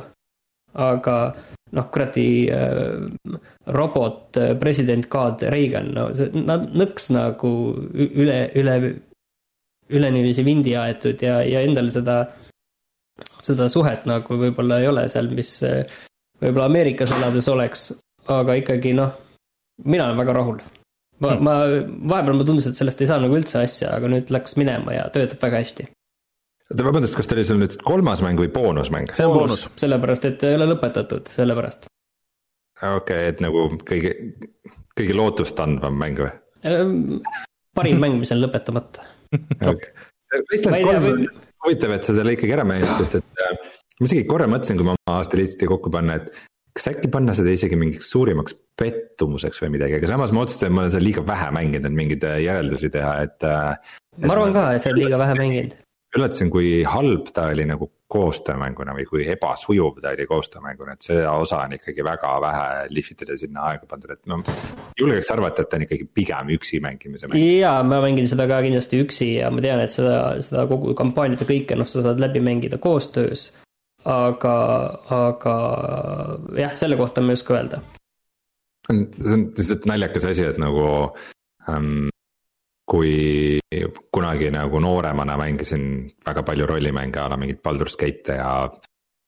Icewind Dale'e ja mida iganes selliseid ja siis seal oli põhimõtteliselt mitmikmängu võimalus ja mõtlesin, kui äge seda oleks sõbraga mängida. ja kui nüüd äh, noh, see, see Baldur's Gate kolm meil praegu Joosepiga läheb nagu toredasti, aga üldjoontes. Tegelikult need RPG-d ei ole väga mõeldud ikkagi koos mängimiseks, see dünaamika või nagu tempo läheb seal võrdlemisi veidi tahad seal noh, menüüdes ja panna neid mingeid asju ja vaadata statse asjadele, tõsta siia ja tõsta sinna, et ma olen alati mõelnud, et see kuidagi et see, see tahab mingit väga, väga. ja, ja ei, sa, ei, sa pead jah sinna ikka süvenema ja vaatama, et kuidas sul see kogu tiimi balanss ikka on ja et sul nagu igat asja kuskil oleks olemas ja et sa midagi ära ei uh, unustaks, et, et seal on sellist uh, noh, ägedat mõttetööd, mis sinna kaasa käib, et see mulle meeldib seal mm -hmm.. vot, selline lugu. ma panen ta ikka Steamis omale wishlist'i ära, et mis, äh, mis teha äh,. aga Martin, äh, ütle siis kohe siia otsa oma number kolm. ei, ma mõtlesin, et nüüd ütlete teie selle enda boonuse. mina, mina hakkan vastu sellele järjekorrale, et ma tahaks oma boonusmängu ikkagi kõige viimasena öelda no Äh, no kuidas no, seal on, Reinul on mingi suur üllatus sinna välja mm. -hmm. pigem nagu vaata boonus on sihuke asi, mis nagu sinna top kolme ei mahu, et nagu kui ma kohe ütlen ära, mis mul seal on. okei, okei, ma siis äh, lähen, ütleme kõik minu omad siis järjest ära niiviisi. et äh, kolmandal kohal on selle aasta kõige chillim mäng, kõige selline ägedam asi, mille kohta ma ei teadnud nädal enne seda, kui see välja tuli veel mitte midagi, see on Art of Rally mm.. kõige chillim rallimäng, väga ägeda visuaalse stiiliga, see ei maksa palju, aga seal on äh, äge mehaanika peidus ja, ja ma ei tea, see oli kuidagi üks selline asi, mis lihtsalt on hästi mõnus mängida, nii et äh, lööb pea tühjaks ja, ja oled ainult oma selles äh, kandilises autos ja, ja sõidad,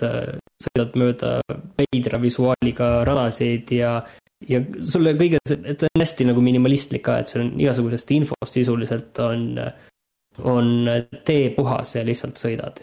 ja, ja väga, väga äge kuidagi, see on selline hea enesetunde mäng, tead, see tekitab hea tunde. okei okay.. kõlab hästi. ja, ja siis äh, kohal number kaks on äh, uh, Tell me why mm.. et Äh, selle aasta, see oli samamoodi minu jaoks ikkagi üks suur üllatus, kui mul ei olnud nagu erilisi lootusi selle mängu peale, et milline see välja tuleb, aga, aga seda suurem võib-olla see üllatus alati sellistel hetkedel ongi, et kui on selline loopõhine valikutega mäng ja, ja võib-olla need valikud ei, ei lähegi nagu niivõrd äh, niivõrd nagu selliseks äh, suurejooneliseks, vaid noh, kogu mäng, äh, noh, mis selliste tüüpi mängude puhul kipub olema, et see skaala aetakse hästi suureks. aga seal see skaala täpselt äh, nii suureks see jääbki, nagu algusest peale lubatakse. et lõpus ei tule hakata maailma päästma või midagi muud tegema, et see ongi täpselt see, et kuidas see, kuidas see, mis sulle, mida sulle alguses lubatakse, niiviisi see mäng ka ka lõpeb, aga lihtsalt see, et kuidas täpselt see lõpeb, see pannakse kokku nendest väikestest valikutest, mis sa selle tee peal oled teinud. ja see oli äärmiselt äh,, äärmiselt täiskasvanulikult äh, lahendatud lugu ja, ja tehtud mäng, mis tõesti oli selline ilus. Hmm.. ja number üks mäng no number üks läheb sinna, nagu oli täpselt aastal äh, kaks tuhat kolmteist, et äh, The Last of Us kaks. et teie võib-olla ei ole niivõrd nõus sellega, aga, aga ilmselt minu jaoks sellise suure blockbuster mängu äh, võtmes, see oli ikkagi aasta ägedaim mängukogemus, see kakskümmend viis, kolmkümmend tundi selles Last of Us'i maailmas ja, ja ta oli piisavalt teistsugusem. Mina ei näe, et ta oleks pidanud olema kümme tundi lühem. see loo ülesehitus oli ikkagi noh, ta oli tehtud kindlasti niiviisi intrigeerivalt ja et ta niiviisi ärritaks ja, ja tõmbaks saagi käima, et ta oli kindlasti meelega niiviisi tehtud aga kokkuvõttes mulle väga meeldis, et mõni suur mäng julgeb niiviisi asju teha, et, et pöörab, pöörab seda loogikat ja varem olnud pea peale ja paneb kahtlema selles kõiges, mis, mida sa tegelikult aastal kaks tuhat kolmteist tegid. ma võin öelda kohe väikse spoilerina, et minu listi see mäng ei mahu, aga äh, mõnes mõttes ma olen sinuga nõus, mulle see osa sellest mängust ka väga meeldis, aga minu meelest kogu see esimene pool mängust oleks võinud olla ikka jah, tunduvalt lühem ja see teine pool mängust oli niivõrd palju parem minu meelest ja nii selle loo kui mängitavuse poolest, kogu see flow nagu seal alguses äh, ma saan aru, see, mulle meeldib ka niisugune aeglane kerimine ja kõik see, aga see, kuidas nad täpselt selle tegid ja lahendasid, milline see story seal alguses on, nagu ma korduvalt ütlesin, niisugune CW nagu noortedraama äh,, mulle ikka absoluutselt ei, ei klikkinud see. no seda noortedraamat me rääkisime, me, see oli seal alguses tund aega. no ikka rohkem ja aga, aga see nagu rikkus kogu selle esmamulje ära ja kui see teine pool mängust äh, hakkas ja oli mõnda aega kestnud. vahet pole esmamulje ja vahet pole, mis osa mängust oli missugune, see oli üldkokkuvõttes ikkagi äärmiselt nõme lugu, see oli lihtsalt väga loll ja banaalse sõnumiga lugu ja kui, kui see nagu lõpupoint sulle juba kohe alguses kohale ei jõudnud, siis. Äh, seda küll jah. siis pidi ikkagi midagi, midagi valesti olema, et. Äh, ei tea, ma ei ole nagu sellega nüüd täiesti nõus küll üldse mitte. natuke mulle tundub, noh, meil on see Reedu saade tegemata selle kohta, ma mm -hmm. siin mhm. vahepeal üritasin temaatika üles võtta, aga te ei läinud paraku kaasa. et äh, siin sellest jahvatada oleks nagu kõvasti, aga, aga mulle tundub, et see üks probleem selle mängu juures on ka see, et äh, et lihtsalt kuna, kuna see mängitavus võib-olla kukkus välja nagu detailsem ja siuksem julmem, kui võib-olla nagu lugu kirjutavad inimesed oleks seda ette kujutanud. siis see, siis see nagu point jõudis veidikene liiga vara kohale läbi selle ka, et seal mm. -hmm seal äh, midagi seal oli ikkagi täitsa valesti, midagi seal ei olnud nii nagu plaanitud. ja minu, minu meelest see on ka järg, mis sama hästi oleks võinud nagu olemata olla, et, et.... okei okay,, lähme nüüd teie edetabeli juurde ja siis ma võtan sae välja mm. aga äh, Rein, alusta siis ka kolmandast. tahad ennast põnevalt kõige viimaseks? ma äh, tavaliselt, tavaliselt jään viimaseks, jah mm. -hmm. Reinu kaks tuhat kakskümmend aasta parimate mängude top mäng number kolm on Hades mm.. selline väga õnnestunud indie projekt, näeb äärmiselt hea välja ja annab rogu-like'ide žanrile sellise väga huvitava oma, oma sihukese maitse või varjundi. et äh, kuna peategelane on Kreeka jumal, siis ta, siis ta lihtsalt ei saa surra ja on surematu ja nagu justkui proovib ja proovib uuesti nii kaua, kuni tal see õnnestub, et see on nagu väga hea sihuke narratiivne raamistik sellise mängu tegemiseks, et, et, et, et mängitavust võib-olla ei armastanud nii palju, et neid relvi oli seal võib-olla liiga palju ja see kogu asi läks natukene messiks kätte ära. aga, aga ikkagi mõnusa story'ga, hea, väga hea presentatsiooniga ja nihuke väga omapärane ja originaalne mäng, et äh, väga õnnestunud. ma ostsin äh, selle nüüd ka ära selle pühade ajal siin äh, Switch'i peale ja nüüd muideks see Switch'i ja siis see arvuti save'i, noh, save'i transfer nagu töötab Äh, see ju tegelikult teistel konsoolidel vist ei ole isegi. Äh, ja olen jõudnud mängida mingi veits üle tunni või poolteist või midagi niisugust.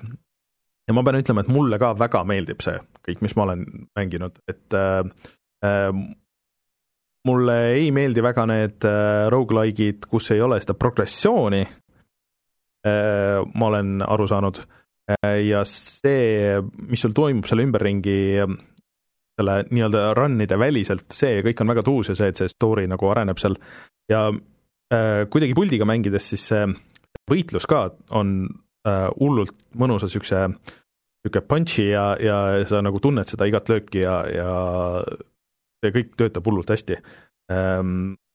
Äh, üks asi, mida ma ei tea, kas sa oled rääkinud või ei ole, et mulle väga meeldib, kuidas äh, need toad hargnevad ka ähm,. et vaata, sul on äh, toas võib-olla mitu seda ust ja siis sa vaatad, et vot selle ukse peale on see sümbol, et okei okay,, mida sa saad sealt Äh, kui sa sinna tuppa lähed, et kas sa saad sealt võtmed või sa saad mingisugust asja.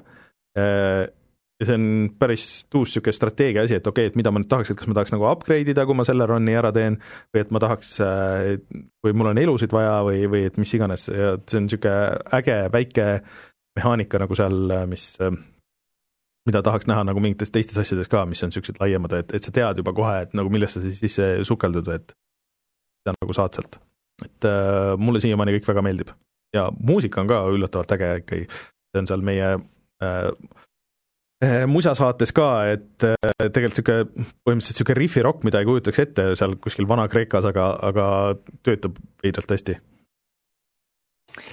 rifirokk jah äh,, aga jah, saame siis näha, kas äh, Raineri jaoks on ka tegu erilise mänguga, kui ta seda rohkem mängib või mitte. Äh, Reinu, selle top kolme kõige suurem üllataja kindlasti on mäng numbril kaks. Äh, selleks on Doom Eternal. Hmm miks see on üllatus, on see, et Rein on teatavasti väga palju kritiseerinud kaks tuhat kuusteist aasta Doomi, mis minu meelest ei olnud üldse see mäng, millest räägiti. enne Doom Eternali väljatulekut ma isegi panin selle uuesti käima ja no ei ole see nagu mitte kuidagi see areeni tulistamine, millest räägitakse, see on mingisugune koridoride jant, kus on võib-olla kogu mängu peale mingid paar areeni kuhugi pandud ja kogu see. Combati flow on nii imelik, aga Doom Eternali juures kõik klikkis minu jaoks, et see muusika, graafika, liikumine, mängitavus, äh, relvad, kõik. Äh, kõik oli äge ähm, ja, ja see, seda oli lihtsalt täiesti nauding mängida Äh, muusika juurde siin mainiks ka ära selle, et, et kuigi nende lisapakkide muusika ei ole ka otseselt halb, siis see, et see muusikasaatesse ei pannud seda Mick Gordoni põhilugu sellest on ikkagi ja, ja panid mingi Ancient God'i selle värgi on ikkagi nagu. need on sellega võrreldes ikka nagu mingisugused kaubanduskeskuse. ei nagu ole, ei ole, et ma, Mick, Mick Gordonil on nii, nii palju lugusid olnud muusikasaates, et ma jätsin ta seekord välja Äh, häbi, häbilugu, et, et sedasi ei olnud, et see pidi seal olema.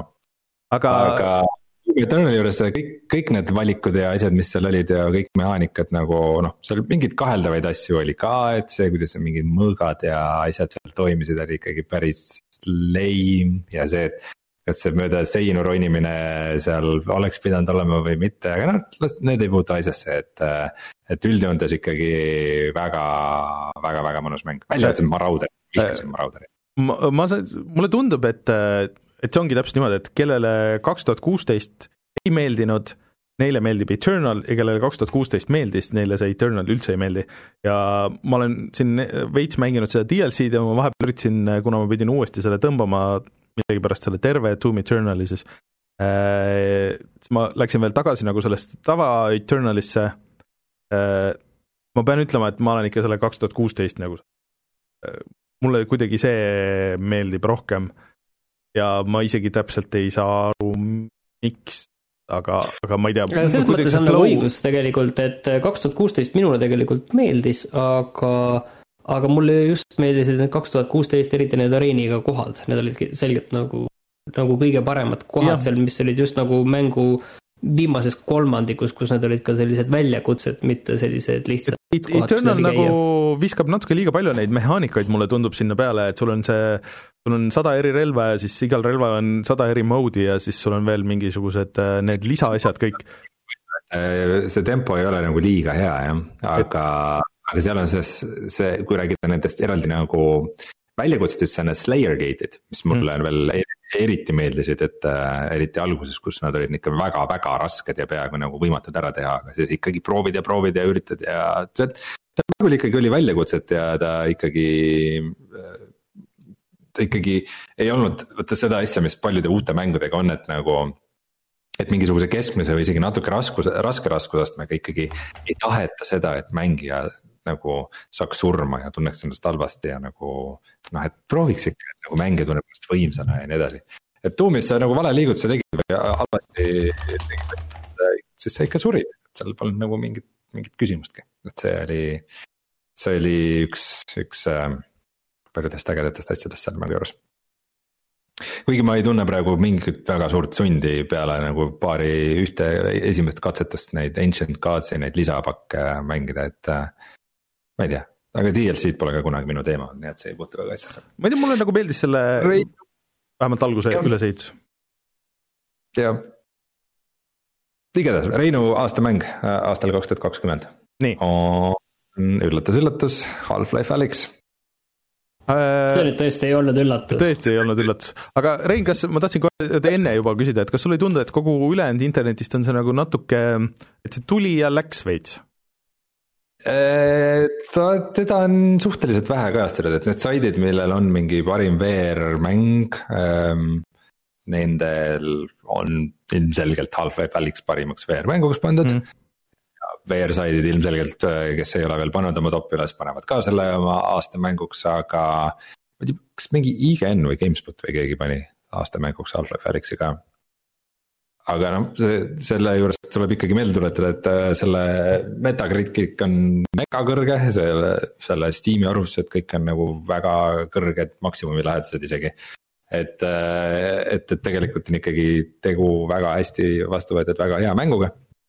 Ähm, ma natukene mõtlesin selle peale, et kas ma tahan olla see VR tüüp, kes lihtsalt nagu niisama selle Half-Life Alyxi omale nagu aastamänguks ja, ja nagu läksin korra sinna sisse veel, vaatasin, mõtlesin selle peale ja otsustasin, et kurat ikka nagu siin ei ole nagu ikka mingit väga küsimust, et.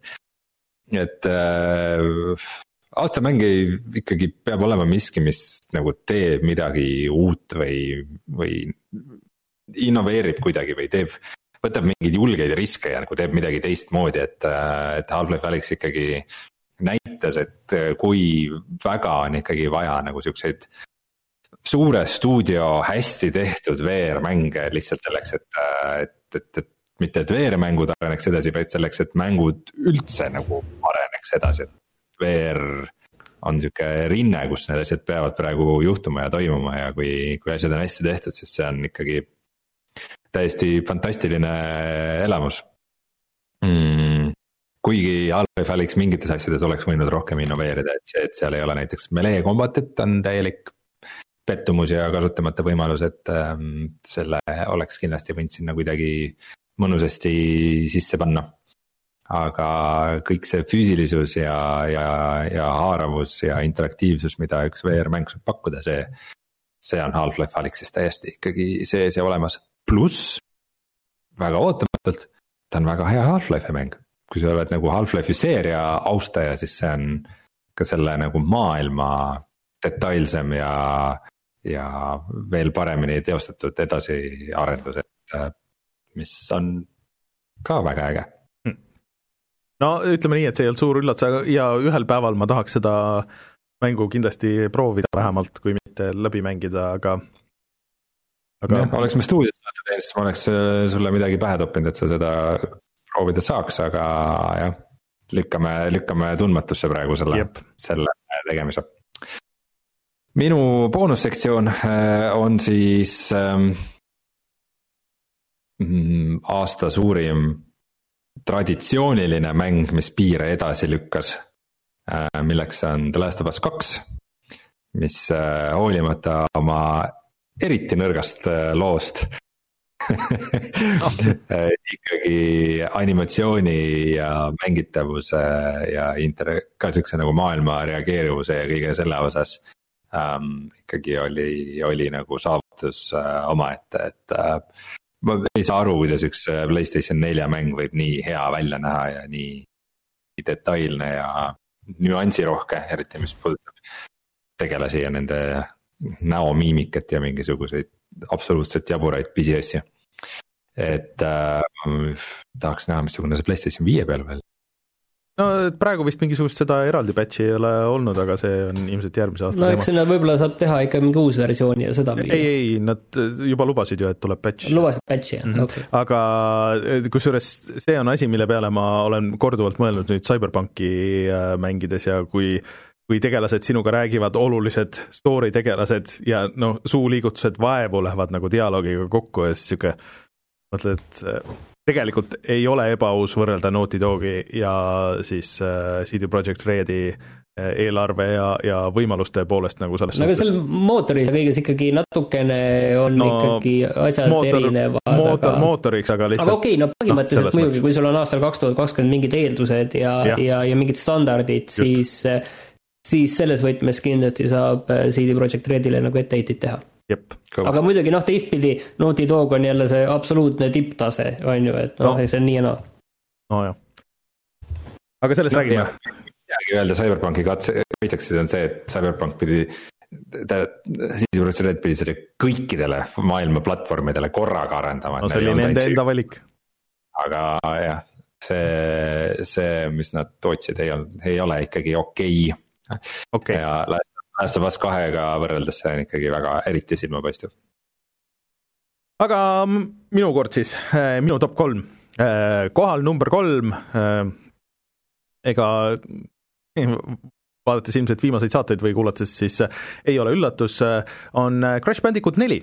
et mäng, millest ma alguses nagu ei osanud midagi arvata, oli nagu võib-olla äge treiler, ja siis äh, olles mänginud nagu esimesel levelis, ma olin nagu veel kahtleval seisukohal, aga mida edasi ma mängisin, seda rohkem see mulle hakkas meeldima ja selle mängu lõpuks, kuigi ma olin selle peale väga-väga närvis kohati ja ma arvan, et ma panin sinna väga palju tunde, et ma kahjuks ei saa nagu täpselt vaadata, äh, et kui palju tunde sinna läks, aga oluliselt palju rohkem, kui tegelikult oleks pidanud, sest et äh, kui mitte mängida nagu mina äh, siis saab selle põhiosa läbi üsna kiiresti, ma arvan, et see on mingisugune kümne tunni mäng, ma arvan, et mul läks sinna pigem kolmekümne kanti, aga isegi kui ma kirusin ja roperdasin, siis ma nautisin igat seda hetke, et see näeb hullult hea välja, ta on äh, väga hästi kontrollitav äh, ja pärast seda on mul olnud väga raske tagasi minna isegi nendesse äh, Super Mario 3D Allstarsi mängudesse, sest et et see nagu pani äh, standardi, et natuke nagu selle, Rein, selle sinu viimase kategooria nagu teema, et äh, see pani ikkagi minu meelest 3D platvormikate standardi edaspidiseks paika. ja näitab nagu seda ka, et äh, tegelikult äh, platvormikas, kuigi ta on äge ja värviline ja niisugune, ei pea olema niisugune ninnu-nännu lastele lihtne, et see võib olla ikka nagu brutaalselt raske tegelikult. Aga ma arvan, et ma tegin ise selle endale rohkem raskemaks, kui, kui mäng võib-olla tahtis. mul on see loll komme, et kui ma midagi näen, äh, mingisugust kasti seal, siis ma pidin selle kätte saama, kuigi tegelikult võib-olla poleks olnud vahet, sest et ma niikuinii ei saanud leveli lõpuks neid kätte, aga ikka oli vaja viis tundi üritada, aga hea küll. nii et äh, Crash Bandicoot neli äh, soovitan kõikidele platvormikate fännidele isegi nendele, kellele muidu vanad Crashi mängud äh, ei meeldinud või kellele see remake ei meeldinud, sest see on tegelikult hoopis teistsugune mäng ja palju parem, kui võiks arvata okay.. siis äh, number kaks, ka ilmselt ei ole, no ilmselt ükski nendest ei ole suur üllatus ähm,. Animal Crossing New Horizons äh,. just üllatus. minu jaoks suur, suur üllatus äh,. sest et äh, ma ei ole üldse nagu Animal Crossingu vanemaid osasid mänginud, üldiselt mulle niisugused elusimulaatorid nagu väga ei ole ka nagu istunud, mul on selle konkreetse mänguga väga palju nagu põhimõttelisi probleeme, et kuidas see nagu üles on ehitatud ja, ja miks mingeid asju peab kogu aeg kordama ja tegema, aga võib-olla on asi selles, et millal see täpselt välja tuli, siis kui karantiin hakkas ja kõik need ja me oleme elukaaslasega koos seda, seda oma saarekest nagu seal arendanud nüüd kokku kahe peale, ma ei tea, mingisugune kuuesaja tunni ringis. Äh, ma vist ei ole kunagi nagu pannudki üldse nagu nii palju tunde ühte mängu. mul on seal kuskil vist kahesaja ringis.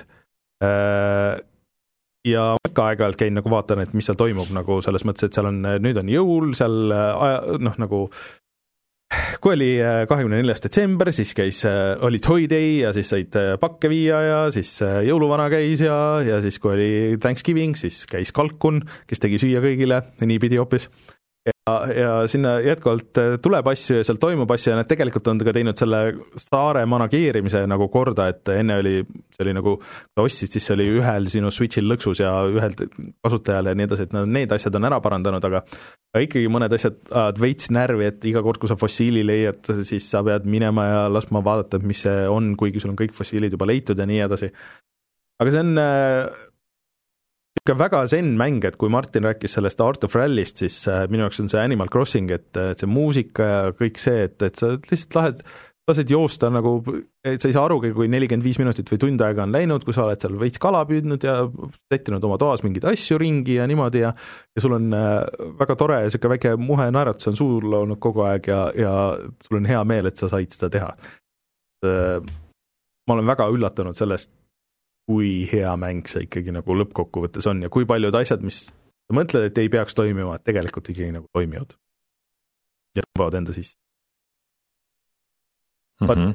ja number üks äh, ma tükk aega mõtlesin, kaalusin, kas see läheb num-, et kas esimesed kaks on vahetuses või mitte, aga on äh, Tony Hawk's Pro Skater üks pluss kaks äh, remake siis äh,, ma just imestasin, et see mäng polnud, ei tulnud veel kuskil varem meil juba, kui me rääkisime headest remaster itest, sa just meelega jätsid. no ma meelega jätsin, et ma väga ei võta seda teemaks, sest et ma saan nüüd rääkida, et see on mäng, mis teeb nagu nostalgiat õigesti, kus on piisavalt palju nagu natuke seda nostalgiat, äh, aga tegelikult ta on ikkagi nagu tänapäevane mäng, seda enam, et äh, tänapäeval niisuguseid mänge ei tehta ja äh, tal on mega hea kontroll, äh, tal on väga hästi disainitud levelid, äh, kuigi need põhinevad nagu nendel originaalidel, on kuskil nagu vaja olnud, siis see on tehtud ringi. Äh, ja kui see on nagu jäänud mängitavusele jalgu, siis see on tehtud ringi nagu paremaks. Ja sellest võib-olla enne ei saagi nagu nii aru, kui sa lähed ja proovid neid vanu ja, ja üldse, et noh, et PlayStation ühe aegsed mängud, et noh, hea, et niisugune kaheksa bitt nagu pole põhimõtteliselt et äh, äh, ma olin ka taaskord üllatunud, kui palju see mulle lõpuks meeldis äh, ja, ja kui see läbi sai, siis ma olin isegi nagu natuke kurb, sest et äh, selle mängu kõige suurem miinus on see, et et kui sa teed kõik levelid nagu ühe korra läbi, saad sealt kõik need asjad kätte, mis on, et siis nagu nagu natuke kaob see motivatsioon ära, et seal on küll see multiplayer, aga multiplayeris see matchmaking ei olnud nagu liiga hea, et alati oli keegi seal mängus sees, kes oli äh, sinust sada korda parem. Ja, ja siis äh, selle raha eest, mis sa seal multiplayeris võidad, sa saad ainult kosmeetilisi asju osta, ei tõmba mind nagu nii palju, et, et seal kuidagi, et äh, kui need mõlema mängu levelid siis otsa said, et siis noh, nagu nagu natuke kadus motivatsioon ära, et ma loodan, et sinna ikkagi tuleb uusi leveleid veel juurde, mitte ainult kosmeetikat äh, ja ja julgelt soovitan kõigil proovida, kes ei ole äh, isegi nagu suured Tony Hawk'i fännid kunagi olnud või kunagi nagu mänginud neid või skeidi teemas olnud, sest et see on lihtsalt nagu, lihtsalt väga hea mäng väga hea muusikaga ka. Äh, kui mõned ska õudused välja jätta, mis kummitavad õudselt, et äh, ma loodan, et Activision on äh, nende kahe mängu, kaks Activisioni mängu kusjuures äh, topis, et äh, on mingisugusel tõusuteel nüüd taas, sest vahepeal nad olid minu meelest täiesti ära kadunud, tegid ainult Call of Duty't ja see oli kogu lugu. Ja see Tony Hawk'i remaster on midagi niisugust, mida ma tahaks näha Burnoutile et äh, kas keegi... sa ei ole juba näinud neid aastate jooksul? ei, äh, midagi niisugust, et kus võetakse nagu see vana mäng ja jäetakse selle nagu see nii-öelda essents jääb alles, aga tegelikult see on nagu ikkagi nagu tänapäevane mäng, et on tehtud jah, nagu riim-, noh, nagu porditud põhimõtteliselt, et remaster ja niimoodi, aga midagi, mis võtaks selle mingi vana mängu Äh, ja siis teeks sellest äh, midagi täiesti uut või, või näiteks Nintendo puhul, et äh, noh, a la aga see Zelda Ocarina of Time, mis omal ajal oli väga märgiline, oluline, praegu on nagu väga raske mängida, sest et noh, lihtsalt aeg on nii palju edasi läinud, mitte ainult visuaalselt, aga nagu kõikides muudes asjades, et see on nagu niisugune remake'ide tegele-, tegemise etalon minu jaoks ka edaspidi, et, et kuidas saab tegelikult teha nii, et et ta on nagu tänapäevane, samas selle vana hingega ja, ja meeldib nendele, kellele meeldis originaal ja ka nendele, kes ei tea sellest mitte.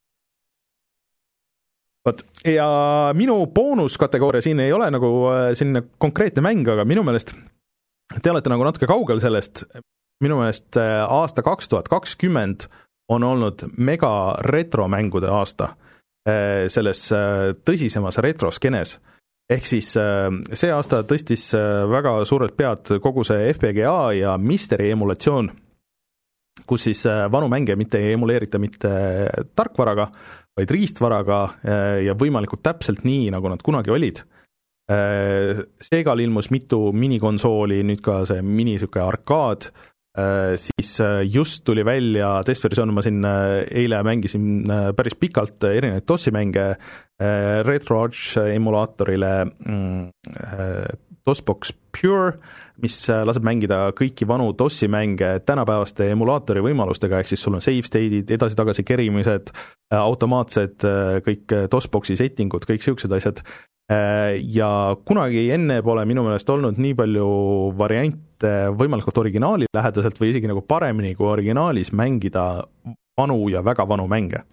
ja hästi palju on kerkinud esile ka noh, mitu niisugust projekti, otsitakse vanu mänge, mis on kadunud või ei ole kunagi välja tulnud või siis on tehtud vanadele mängudele mingisuguseid absurdseid patch'e ja asju, mis näiteks äh, Ray Tracing äh, Super Nintendole, äh, mis siin alles just projektina välja tuli, ja mingisuguseid niisuguseid huvitavaid asju, mida nagu paar aastat tagasi ei kujutanudki ette, et väga põnev on olla selles retroskeenes ja see, need muutused seal on toimunud ka väga kiiresti. umbes nagu ma kujutan ette, et miks Reinule meeldib selles VR-i skeenes olla, aga, aga mulle tundub, et kuidagi see retroskeene on äh, südamelähedasem selles võtmes. no mis skeene siis mul on?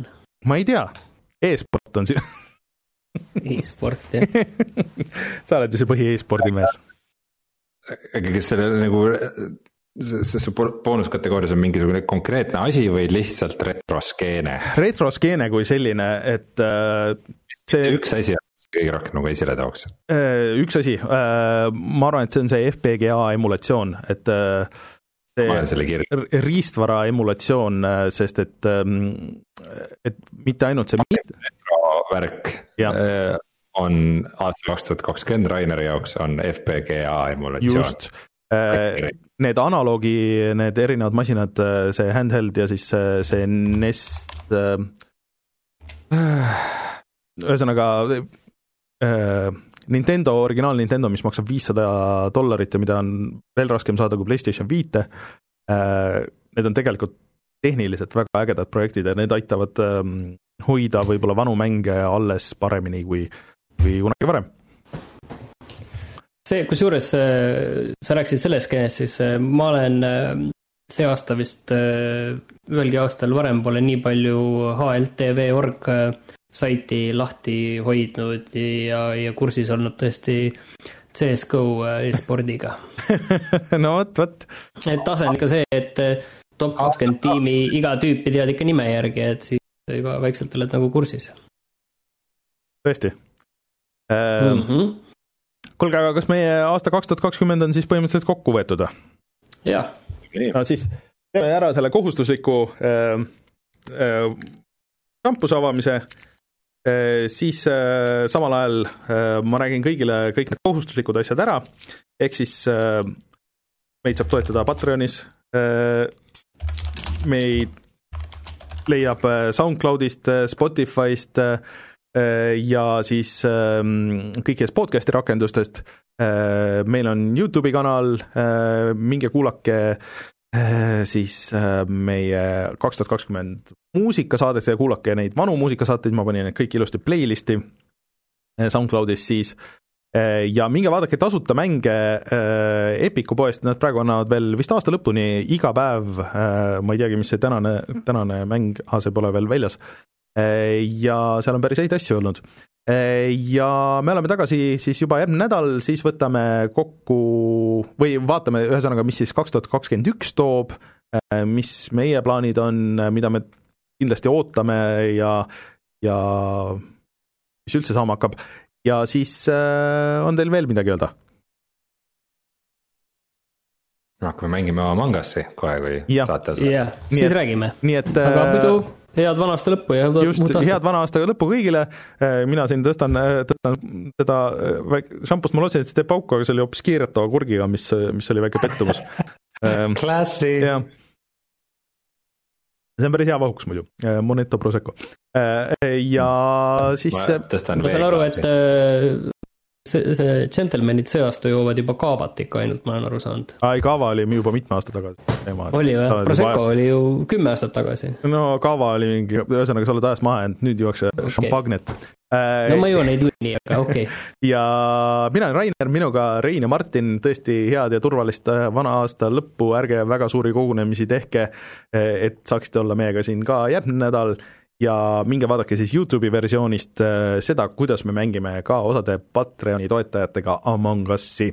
vot, äh. tšau. tšau. tšau.